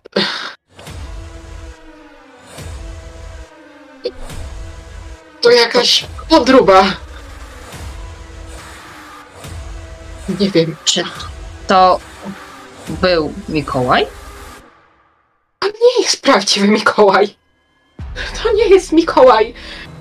Nie, coś w drzwi. Nie znowu. nad jego wizerunkiem cały czas pracowałam. Mm. Chodźmy do miejsca innego. A może chodźmy na dwór? Gdzie nie ma wentylacji. Albo na dwór. O, faktycznie dobrze było trochę Wentylacja. chłonąć. Przypomniało wam się, że potwór dostał się do centrum ochrony przez wentylację. A drzwi do centrum ochrony są otwarte. Chodźmy na dwór. Chodźmy zamknąć najpierw drzwi do ochrony, a potem na dwór. O, Myślę, że to bardzo. dobry pomysł. W takim razie biegiem. Biegiem rzucacie się do centrum ochrony. I teraz próbujecie zamknąć drzwi. Rzućcie kością obłędu. Jedna osoba chociaż? No, któreś z was, nie? Znaczy ja się trzymam trochę z dala i już tak bardziej patrząc na Cztery. drzwi, żeby uciekać na zewnątrz. Kiedy... Kto to rzucił? Eee... Ja, ja, Stanisław. Stanisław, dopadasz do drzwi, łapiesz je i widzisz jak z kratki w tym momencie właśnie przepycha się ten brudny worek, kiedy coś próbuje znowu przeleźć przez, przez otwór wentylacyjny i dostać On tu się jest! O, do on tu jest! Zamykasz te drzwi za sobą, ale On to widzisz, że, ale widzisz, że one nie są zamykane jakimś zamkiem magnetycznym czy czymkolwiek, a nie masz klucza, żeby je zblokować. Ale mają tam jakby ten? Jakieś tam jakby coś, coś jakby do złapania, jakieś takie, wiesz, jak to w drzwiach są takie, e, nie wiem, takie ala łyżwy? Czy... E, znaczy to są takie, takie drzwi na klamkę taką, wiesz, że po prostu takie... Wiem. Okej, czyli że nie mam klucza i... Chyba... A właśnie, one się na zewnątrz czy do środka? E, one się zamykają, wiesz, otwierają się do środka, a zamykają się, wiesz, w kierunku korytarza, nie? Okej, okej. No ale... Nie możemy podłożyć jakieś krzesło albo coś. Chyba w drugą stronę. Że Otwierają się w drugą stronę, więc no. Drugą. No chyba, że będzie nas gonił i się na tym krześle potknie, ale... E, ho, chodu! Nie mamy klucza! I, i nie, nie oglądając się jakby na, na swoich te, towarzyszy, e, po prostu ruszę pędem na zewnątrz. No, tą już nam znaną drogą. Okej, więc wypadacie na zewnątrz, przynajmniej ty wypadasz na zewnątrz, nie wiem jak reszta. Też, też. ja też nawet mówiłem, że stoję bliżej drzwi. I, i wypa- wy, wypa- wypadacie na zewnątrz i wybiegasz na ten śnieg, na tą zawiktulicę i e, twoje serce prawie staje ci w miejscu, kiedy widzisz gdzieś tam przed wami we mgle błyskające lampki. E, takie, wiesz, światełek przeszukujących teren. Spod deszczu, z, z deszczu pod rynny. I jeśli tam towarzysze też ze mną biegli, tam te renifery szukają nas. W co myśmy wdepli? Cholera, w co myśmy wdepli? Jaki jest inny, najbliższy budynek? Cokolwiek w tym kompleksie. Ten budynek to jest jakby, znaczy, tu nie ma takiego podziału na, na osobne jakby budynki, one są ze sobą jakoś połączone wszystkie, tak jak działek, e, sekcje, one są po prostu jedną taką wielką placówką, która ciągnie się A- gdzieś dalej, nie? A czy w teorii jesteśmy w stanie obiec na zewnątrz i dostać się do tego zachodniego skrzydła, skąd ten człowiek nam, nam podpowiadał, czy, czy jednak musimy to zrobić środkiem? W sumie aż tak y, ten plan budynku, który Gabriel ściągnął z komputera recepcji, aż tak dokładny nie jest. Tak, bo to pewnie jest Więc wielki być- jakiś... Być Jakiekolwiek może- inne wejście. Być może jakieś wejście, nie wiem, awaryjne albo cokolwiek, uchylone okno gdzieś w którymś miejscu, no mo- może jest. No to... To... To ja się spróbuję się skontaktować przez radio z, ty, z tym człowiekiem. Halo, halo, słyszysz mnie? Czy od zewnątrz tam, tam można się dostać? Nie dając myśli czas na odpowiedź. Czy, czy możemy obiec budynek i, i do ciebie dobiec? Nie wiem, czy wejścia awaryjne są e, otwarte, ale możecie spróbować. Bez odbioru. Krz. I tak spoglądam. E, Próbujemy, czy, czy jednak wracamy do środka i, i tam będziemy próbowali zgubić tego Mikołaja? Nie był pobiegła do innego wejścia, super bo... szybki, nie? Że jakiś nie- nienaturalnie szybki, więc teoretycznie... No tak, no tak, tylko że. W sensie, że Mikołaj nie jest szybki, tak? No, no, Nie aż tak, wiesz, z- że jakby z nie zewnątrz? się nienaturalnie szybko, czy coś. No tak, wiesz, ja przestraszony jestem, to też całkiem inne to, to odbieranie, już logicznie nie myślę, no nie? Dlatego pytam, czy z z zewnątrz, czy, czy na wewnątrz? Czy wewnątrz, czy, czy na zewnątrz? A to pytanie do mnie, czy do, resz- do reszty? Nie, nie, do reszty, do reszty, tak No. patrzę po nich. Jeżeli nikt nie odpowiada, no to ja cisnę tam wzdłuż tego bud... Znaczy, z, inaczej, jak on jest wielki w ogóle, w sensie tak z zewnątrz, to jest jakieś po prostu, my, my widzimy ogrom tego kompleksu, no tam hala była, więc No, pewnie nie znaczy mały. wiesz co, y, pełnego gromu nie widzisz z racji śnieżycy i, i po prostu kiepskiej widoczności, nie? Ale no na pewno jest to dosyć spory. Nie jest tak wielkie może jakby, y, przynajmniej na pierwszy rzut oka, jak jakieś typowe placówki aktualne Santa Corpu, ale na pewno jest dosyć spory, nie? No bo w końcu jest tu hala produkcyjna, so jest tu jakiś dział, dział badań i rozwoju, są jakieś laboratoria, pewnie są jakieś sekcje mieszkalne i tak dalej, być może gdzieś tam jakieś magazyn, magazyny na towar produkowany tutaj też musi gdzieś być.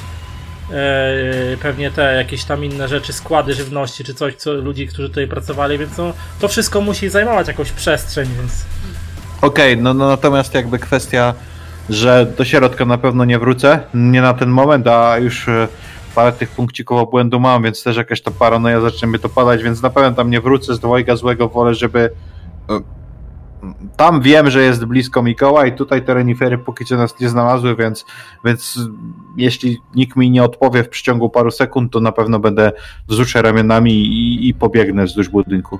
Więc e, widzicie jak Stanisław e, po prostu rozglądając się na boki przez chwilę taki przestraszony w końcu rzuca się w lewą stronę, próbując e, obiegać budynek przy jego lewej ścianie, nie?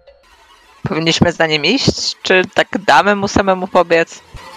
Mm. Ingrid się chyba ruszy za Stanisławem. Finalnie. Ona jest teraz e, w tym momencie trochę za mocno wcięta i tak e, jej prze- przemyślenia za bardzo nie działają, e, ale mając do wyboru zostać z dwójką korposzczurów, którzy nie wiedzą jak walczyć, a zostać z jednym gościem, który trochę wie jak walczyć, to poleci za tym gościem. Więc e, wasza dwójka widzi, że najpierw Stanisław, a później Ingrid rzucają się biegiem gdzieś tam przez śnieg pod ścianami budynku. Mhm. Ja rzucam się za nimi biegiem. A Ewelin? No to Gdzieś no, tam- Gdzieś tam, za- gdzieś tam za sobą słyszysz e, jakiś hałas, nie? Dobiegający z budynku. W sensie z budynku, czy... Tak, z budynku, Z z, budynku. holu, z lobby, nie? Chyba Mikołaj przelazł Okej, przez no to w takim razie rzucam się za resztą. Jak najbardziej. Więc obiegacie budynek w poszukiwaniu jakiegoś wejścia i docieracie pod dwuskrzydłowe drzwi opisane jako przejście awaryjne. Znajduje się one dobre kilkadziesiąt metrów dalej od, od wejścia do, do, główne, do, do głównej recepcji. Świeci na nim taka zielona lampka exit, nie? Emergency exit. To myślę, że skoro biegłem pierwszy, no to. To co, próbujemy biegam I będę próbował je otworzyć. Są zamknięte. Ale to są takie dwuskrzydłowe e, drzwi, takie jak do marketów, czy gdzieś tam takie. Głównie to są przeszklone, nie jakimś tam plexiglasem czy czymś. No to jakby, jeśli. Bo i też na kartę nie ma jakiego, to jest na klucz, czy. czy, czy... E, nie, te są na. Znaczy nie, są na kartę, są. No to będę są. spróbował tą swoją kartą, czy jestem w stanie od, od, o, otworzyć. Sekundę po przyłożeniu e, karty do czytnika lampka z czerwonej zapala się na zieloną i drzwi. Pod, To pociągam drzwi i trzymając je otwarte, rzucam okiem, e, czy, czy, czy biegną za mną e, pozostali uczestnicy tej jakże cudownej wyprawy. E, tak, tak. Poruszają, widzisz, że jedno za drugim tam gęsiego sadzi susy za tobą. Też tylko się rozglądam, czy gdzieś reniferów e, nie widać i, krzykiem e, szybciej, szybciej, zaraz mogą nadlecieć te dziwne reni, renifery. E, Szybciej. W tej chwili nie widzisz żadnych po, poblasków czerwonych światełek, ani jakichś porykiwań, ale no tutaj wichura też poziom hałasu podniosła No wiadomo, wiadomo. Więc słabo słychać cokolwiek. No ale w, jesteście w korytarzu, w korytarzu technicznym jakimś najprawdopodobniej, który gdzieś tam służył do konserwacji, prze, przechodzenia jakichś, przenoszenia jakichś rzeczy, takich, e, przejście jakieś takie bardziej służbowe dla osób e, z wewnątrz firmy niż dla kogoś. Jakieś może sprzątaczki tędy też przechodziły, czy cokolwiek, jakieś rzeczy były przenoszone. Nawet gdzieś chyba pod ścianą jakieś wiadro z mopem stoi, takie e, Coś, i, nieużywane. opieram. Dyszę. Trzymacie się jakoś? Wszystko w porządku? Wszyscy cali? Wiemy. Jasne, Gabriel. Przepraszam, raz, co tutaj wokół widzimy w środku? W środku jest korytarz, po prostu wyłożony płytkami korytarz, e, ściany obite bołazerią, e, gdzieś prowadzi w głąb budynku. Mhm. A górą wentylacja? No oczywiście kanały szybów wentylacyjnych jak najbardziej są, nie? Ale nie słychać z, z żadnych odgłosów dobiegających z, z nich. To nie. To ruszajmy powoli i, i nasłuchujmy. Musimy chociaż spróbować dostać się do tego człowieka. Jak teraz muszę się zgodzić. Ruszajmy. Więc idziecie dalej tym korytarzem i dochodzicie do rozwidlenia, gdzie macie e, drzwi prowadzące w lewo i prawo, tylko już takie pojedyncze, zwykłe drzwi. I na jednym jest napisane na tymi po prawej kontrola systemu wentylacji, a po lewej macie rafineria. Może by tak zamknąć wentylację w całym budynku? To Ten jest człowiek bardzo był. dobry pomysł. Zresztą ten człowiek był w tym punkcie kontroli, ale ja się tak na chwilę zawahałem i. Ta. Ta maś. Przypominała trochę z zapachem be, benzyny, a tu mają rafinerię. Czy to możliwe, żeby ktoś od jakichś gazów czy innych. No, nie- nieważne. Zostawmy na razie ten temat. Znajdźmy tego człowieka. I, no i ruszam w stronę, w stronę tamtych drzwi do tego centrum kontroli, gdzie wiem, że, że ten gość jest. Więc z, przez te drzwi wchodzicie do krótkiego korytarza, takiego parę metrów raptem, który e, prowadzi was do zamkniętych znowu na magnetyczny zamek e, drzwi, które pewnie prowadzą do pomieszczenia kontroli. Znowu musisz przyłożyć kartę, żeby się otworzyły. I wchodzisz do pomieszczenia, które e, też pan, jest takie pogrążone w lekkim półmroku. E, pod, pod, w, przy ścianach tego pomieszczenia naprzeciwko widzisz przejście do korytarza, którym najprawdopodobniej mieliście wejść od strony hali produkcyjnej, warsztatowej. E, a pod ścianami w koło widzisz e, takie rzędy rur i kanałów wentylacyjnych, takie obite takim jakby sreberkiem, taką izolacją termiczną, nie? Ciągnące się przy ścianach. a w rogu pomieszczenia widzisz tak jakby taką mniejszą kanciapę, jakby to nazwać, taką klitkę e, z grubej jakby pancernej blachy i z takimi grubymi pancernymi szybami. Jest tu cicho. Halo? Jest tu kto? Jesteś tu dobry człowieku? Na razie nie przez krótkofalówkę, żeby tymi szumami też nie ha- hałasować, tylko po prostu werbalnie. Wiesz co? Przez chwilę nic się nie dzieje, ale po chwili dostrzegasz, że w tej klitce tak, z tak, spod spodu tak wychyla się głowa mężczyzny w takiej zielonej czapeczce i w takim zielonym kubraczku Macha, macha, do was. Tak trochę skonsternowany jego strojem, z taką zdziwioną miną spoglądam na resztę towarzyszy i pokazuję głową, że chodźmy. No, idziemy, idziemy. Podchodzicie do tej szyby, widzicie, że to jest taka komora, w której jest dużo jakichś urządzeń do, prawdopodobnie do sterowania tą wentylacją. Yy, I to ma taki włas jakby pancerny. I ogólnie jest to takie dosyć pancerne to pomieszczenie. I ten mężczyzna tak, tak przez szybę. Nie ma go tu! Nie ma tego potwora! To centrala was przysłała! Uratujecie nas! Was? Ilu was jest? No, mam nadzieję, że ktoś jeszcze żyje. A skąd uciekłeś widzicie, widzicie w bladym świetle jakieś tam lampki, która się pa, e, pali pod sufitem tego, tego, tej kanciapy, że koleś ma taki strój, no takiego robola jakiegoś jakby, wiesz, co pewnie pracował na tej hali, e, ta, na, tej, na tej produkcyjnej i na klapie, e, na klapie ma, e, tak, ma inicjały, że tam e, J. Morgan, a nad tym ma takie e, akronim E.L.F, czyli tak jakby układające się w słowo elf. Elf. O, czyli jednak elfy świętego Mikołaja istnieją. I przedstawiam się mu, żeby trochę gdzieś tam zagadać. Mm, Stanisław jestem. A to i też przedstawiam po imieniu. E, Co, co tu się stało? Możesz nam, możesz nam coś powiedzieć? Co to za, za stwór? I te renifery. Jakie, jakie renifery? Ja- Jakie renifery? Ci wszyscy, oni poszaleli.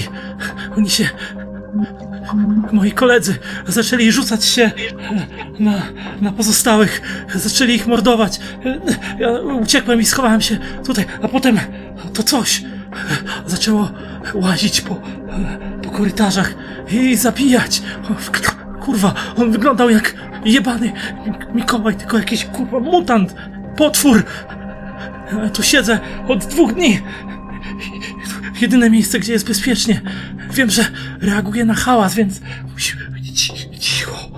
Cicho. A, ale Skąd? Kiedy on zaczął wchodzić? Zaraz po tym, jak ci, że ci, ci ludzie oszaleli i zaczęli się zabijać, to potem on zaczął łazić po korytarzach, a potem ludzie biegali, krzyczeli, ale e, a potem cisza. Tylko czasami łazi i robi takie On krzywdzi innych? Tak, on, on zabija.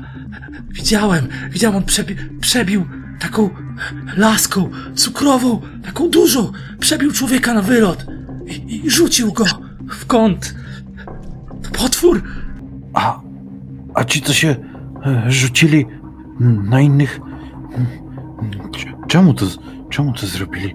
Ja nie wiem, oni zaczęli pluć taką ma mazią czarną z ust, taką ropą, a potem rzucali się na innych pracowników i robili im krzywdę. Straszne rzeczy. Boję się. A to, to pracowali oni gdzieś e, razem? To z jednego działu byli, wiesz może? To, to tacy jak, tacy jak ja, elfy. I, tacy też w białych kitlach. Z działu badań, z laboratorium. Ale my tam nie możemy wchodzić, bo dyrektor nam zakazał. Nam nie wolno. A ty od jak dawna pracujesz tutaj, na tym stanowisku, w tym Już- oddziale? trzy lata będzie, jak dostałem tutaj przydział. Wcześniej pracowałem w Sydney, w Australii, ale wysłali mnie tutaj, powiedzieli, że e, dobro firmy tego wymaga. Że Mikołaj mnie wybrał do zespołu. I zajmowałeś się produkcją zabawek, tak? No, te, no pracowałem tam na taśmie. Montowaliśmy zabawki. Dobra fucha. Człowiek się nie narobi, a całkiem nieźle zarobi. Więc ja jeszcze go pytam o to stwierdzenie, z którym się spotkaliśmy, e, o tej sile roboczej i czy, czy Tak. faktycznie ta praca wyglądała tak fajnie, jak, jak się- ten. Spojrzał tak na swój uniform. Co pan powiedział? Bo to po angielsku Expandable Labor Force, to jakby wybrać pierwsze litery tych słów, to układało się słowo elf. No więc A, a, a, a, ale że ja, że my zbędni? Ale jak to? A co robiłeś na poprzednim stanowisku w Sydney? Y, Pracowałem. Pracowałem w obsłudze klienta. I potem Dobra. kierownik powiedział mi, że przyszedł mail z centrali, że, kiero- że Mikołaj wzywa wybrane jednostki na biegun, żeby mu pomagały budować zabawki. I że to jest droga do rozwoju kariery. No to się zgodziłem. Dobry człowieku, a można się stąd jakoś wydostać? Dostać? Jak? No, żeby dostać się do lądowiska dla helikoptera trzeba przejść przez dział badań i rozwoju i, i tam przez kierownictwo, ale tam pożar w części laboratoryjnej. Tam nie da się dostać, blokada. No, no i nikt z nas zapewne nie umie monitorować, e, pilotować, więc to też odpada. Ale pożar tam był, wiesz czy się skończył, wiesz co wywołało ten pożar? Nie wiem, czy się skończył. W sekcji magazynowej jest centrum e, diagnostyczne. Tam trzeba by było sprawdzić. Ale stąd mogę jedynie odcinać dopływ powietrza do niektórych sekcji budynku. Moglibyśmy zaryzykować i odciąć po prostu tam powietrze, żeby no pożar w ewentualności się wygasił. No mogę to zrobić, ale. Musicie uważać na potwora. Tak, wiemy, wiemy. Znaczy, on oddycha? Może da się go zadusić. Ja nie wiem, co to jest. To jakieś diabelstwo z piekła rodem. No i musielibyśmy wiedzieć, gdzie się znajduje. Żeby nie Można by go było gdzieś e, zwabić i wtedy odciąć powietrze. No, po, pod warunkiem, że, że potrzebuje powietrza, a, a Jeśli byśmy zamknęli wentylację, to też miałby problem z przyjściem. tylko tych kratek też jest.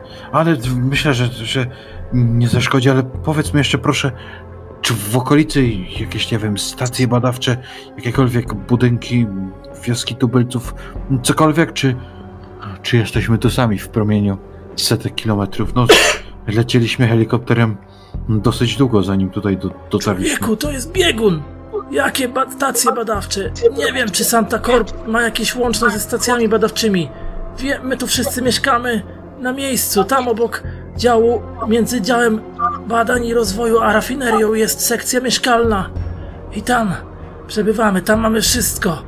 A tak, przywozili nas helikopterem, ewentualnie takim śnieżnym pociągiem e, dostawczym. Czasami przywozili rzeczy, ale to raczej kilka godzin jazdy w jedną stronę. A na kiedy była zaplanowana kolejna dostawa, wiesz to? Trzeba by było pytać dyrektora Niemirowa, ale nie wiem, czy żyje.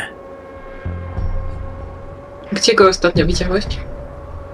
No on ma swój pokój w sekcji badań i rozwoju i nadzoruje też badania laboratoryjne. Rzadko stamtąd wychodzi. Nie wiem, czy żyje, może zginął w pożarze. Ja aż sobie tam przyklapłem na ziemię obok niego, a westchnąłem. Czyli chyba jesteśmy zgubieni. A ja takie pytanie mam do was. A macie może coś do jedzenia? Nie, nie braliśmy nic. Mieliśmy tu tylko mm, pojawić się na chwilę i e, i, i wrócić, ale jeśli zabawimy tu dłużej, to i tak będziemy musieli wyruszyć, żeby coś do jedzenia zdobyć dla, dla, dla nas wszystkich. A wiesz, gdzie tutaj znajduje się stołówka, czy jakieś automaty? Gdzie się żywiliście? W sekcji mieszkalnej jest kuchnia, stołówka i i temu typu rzeczy. Nie, nie mamy automatów. A, a czy sekcja mieszkalna y, jest w jedną wentylację połączona z resztą kompleksu? Da się to jakoś odciąć? Mogę, ale wtedy będziecie mieli problem z dostępem powietrza. To, to, to mniej ważne. Myślę, że jeśli po prostu pójdziemy tam i, i, zabierzemy co potrzebujemy, to, to na ten moment y, bez nie powiedział bez powietrza, bo to powietrze będzie, po prostu nie będzie się wentylowane. Powinniśmy, powinniśmy dać radę, a, a przecież jeszcze coś musimy, zanim albo wymyślimy, jak stąd się wydostać, albo o, ktoś, ktoś domyśli się, że tu dzieje się coś więcej i przyślą, przyślą kolejną ekipę. Myślę, że da radę to zrobić. A ja mam pytanie, macie coś do jedzenia? Bo ja tu już dwa dni siedzę. Może wodę jakąś? Nie braliśmy nic. No masz Ty nie termos. masz twojego termosu? To on już jest pusty. Mm. Wypija po drodze. Możemy ci w termosie przynieść póki co trochę śniegu, zaraz się roztopi, będziesz miał czego się napić, a, a ja spoglądam po, po, moich, po moich towarzyszach i słuchajcie, może nie ma sensu, żebyśmy wszyscy ruszali tam do tego kompleksu e, po jedzenie. Jestem wysportowany, sprawny, e, z, powinienem szybko obrócić, a, a gdyby mi się coś stało, to, to może wy będziecie, wy będziecie mieli, mieli, mieli większą szansę, a i ciszej będzie. A, a przecież jeść coś musimy. W tym momencie po prostu takie jak od Stanisława z brzucha się wydobywa, jak wiadomo, Ech, głodny góral to zły góral, więc ja spróbowałbym pobiec, tylko musisz mi dobry człowieku wytłumaczyć, jak tam się dostać i przez mikrofalówkę, e, przez, przepraszam, już głodny jestem, przez krótkofalówkę powiedziałbym ci, że, że jestem, że wyszedłem, a, a, a, jak, a, a jak będę tam e, do, dobiegał, to, to zamkniecie wentylację. Jeśli mnie usłyszy, to, to przynajmniej wentylacją za mną nie dotrze. E, to, co, co wy o tym sądzicie? Brzmi dobrze. Mogę z tobą iść, jeżeli chcesz. Tak spoglądam, to zależy od ciebie. Jeśli, jeśli chcesz, weźmiemy więcej rzeczy, ale, ale musimy mieć na uwadze, że, e, że, że też będziemy, będziemy wtedy więcej hałasu robić. Może ma to sens, a, a, a sprób... musimy też potem... Widzę, że nam się w międzyczasie dla RPGówka przez ten cały stream zbierała niezła kwota 5357 zł. Bardzo ładnie. Super. Dziękujemy wszystkim. Idzie, idzie, dziękujemy. Wszystkim, którzy wsparli WOŚP. Cliffhanger musi być. Jakieś wrażenia takie podsumowujące? Dzisiejszą część, dzisiejszą partię. No ja się mega wkręciłem w historię i, i Panie! nie, nie widziałem, że pokazujesz ten, ten czas, że i wiesz, i dopiero podniosłem głowę, tak to kminie i mówię, stop, stop, no nie? Ale no jest, jest y, ciężki, w sensie taki mocny klimat. Szkoda, że musimy kończyć, bo, bo chętnie bym tą dograł, ale to może faktycznie się uda, o, uda dograć. No, jak dla mnie, jak dla mnie bomba. Mm. No, mi też się strasznie podoba. Pierwszy raz gram w horror i no i fajna to jest zagadka i dużo jest rozkminiania. Więc zobaczymy jak będzie dalej. Nie mogę się doczekać. Tutaj Ja jestem bardziej wkręcona ze względu na to, że trochę zmiana systemu i powiem ci, że chyba nawet na plus, bo Cthulhu Dark bardziej jeszcze podbudowuje e, klimat grozy niż e, sam ze Cthulhu. No, to przynajmniej fajnie dla mnie. wiedzieć, że, że się sprawdził, ten, ta giereczka się sprawdza akurat. No. No, ja w ogóle teraz poznaję ten system, więc w ogóle Cthulhu cokolwiek to moje pierwsze, więc super.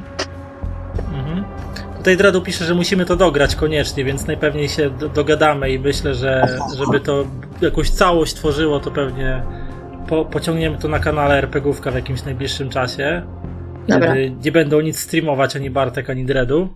To może się uda tak zrobić, żebyście mieli czas, ja miał czas i, i, i nie było zajęte na, na kanale. E, dziękuję za, za udział w dzisiejszej sesji. E, tak myślałem, że nie uda nam się tego skończyć raczej dzisiaj w trzygodzinnym. Zresztą ja nie jestem mistrzem gry, które mu się udają jednostrzały zazwyczaj, żeby były faktycznie jednostrzałami. Mm, Więc tak, spotkamy się jeszcze ponownie i kto będzie zainteresowany, ten będzie mógł sobie obejrzeć e, dalszy ciąg tej historii. Myślę, że gdzieś tam RPGówek na swoich fanpage'u podreklamuję, gdybyśmy mieli się już wiedzieli jaki termin i tak dalej, żeby kto chciał, to mógł nas z powrotem tutaj nawiedzić i, i zobaczyć jak, jak się to wszystko skończy. Dziękujemy widzom mm, za tak liczną bytność. E, Do tej pory nie prowadziłem dla tak licznej publiczności nic, więc dla mnie też jest to pewnego rodzaju nowo. Mam nadzieję, że Wam się podobało. Pozdrawiam Was wszystkich serdecznie w tym miejscu. Liczę, że jeszcze się ta sumka dla Wośpu zwiększy o parę ładnych stówek, a może i więcej. Yy, I żeby nie przedłużać, to odliczę do pięciu i się tam wyłączę i będzie mógł Dredu przejąć tego streama. Więc pomachajmy na do widzenia. Zapraszam do siebie na kanał żuraw.pl, na YouTube, e, na Spotify'a i też na Twitcha. Będziemy streamować różne gierki. Może do Cthulhu Dark w jakiejś innej formie jeszcze też wrócimy, żeby opowiedzieć jakąś ciekawą historię. No i co? Do zobaczyska. Jeżeli spodobało Ci się, drogi słuchaczu, to co robię, zapraszam do odwiedzenia swoich mediów społecznościowych: YouTube, Facebook, Twitch, Instagram. Wszędzie znajdziecie mnie wpisując w wyszukiwarce żuraw.pl. Linki w opisie każdego odcinka.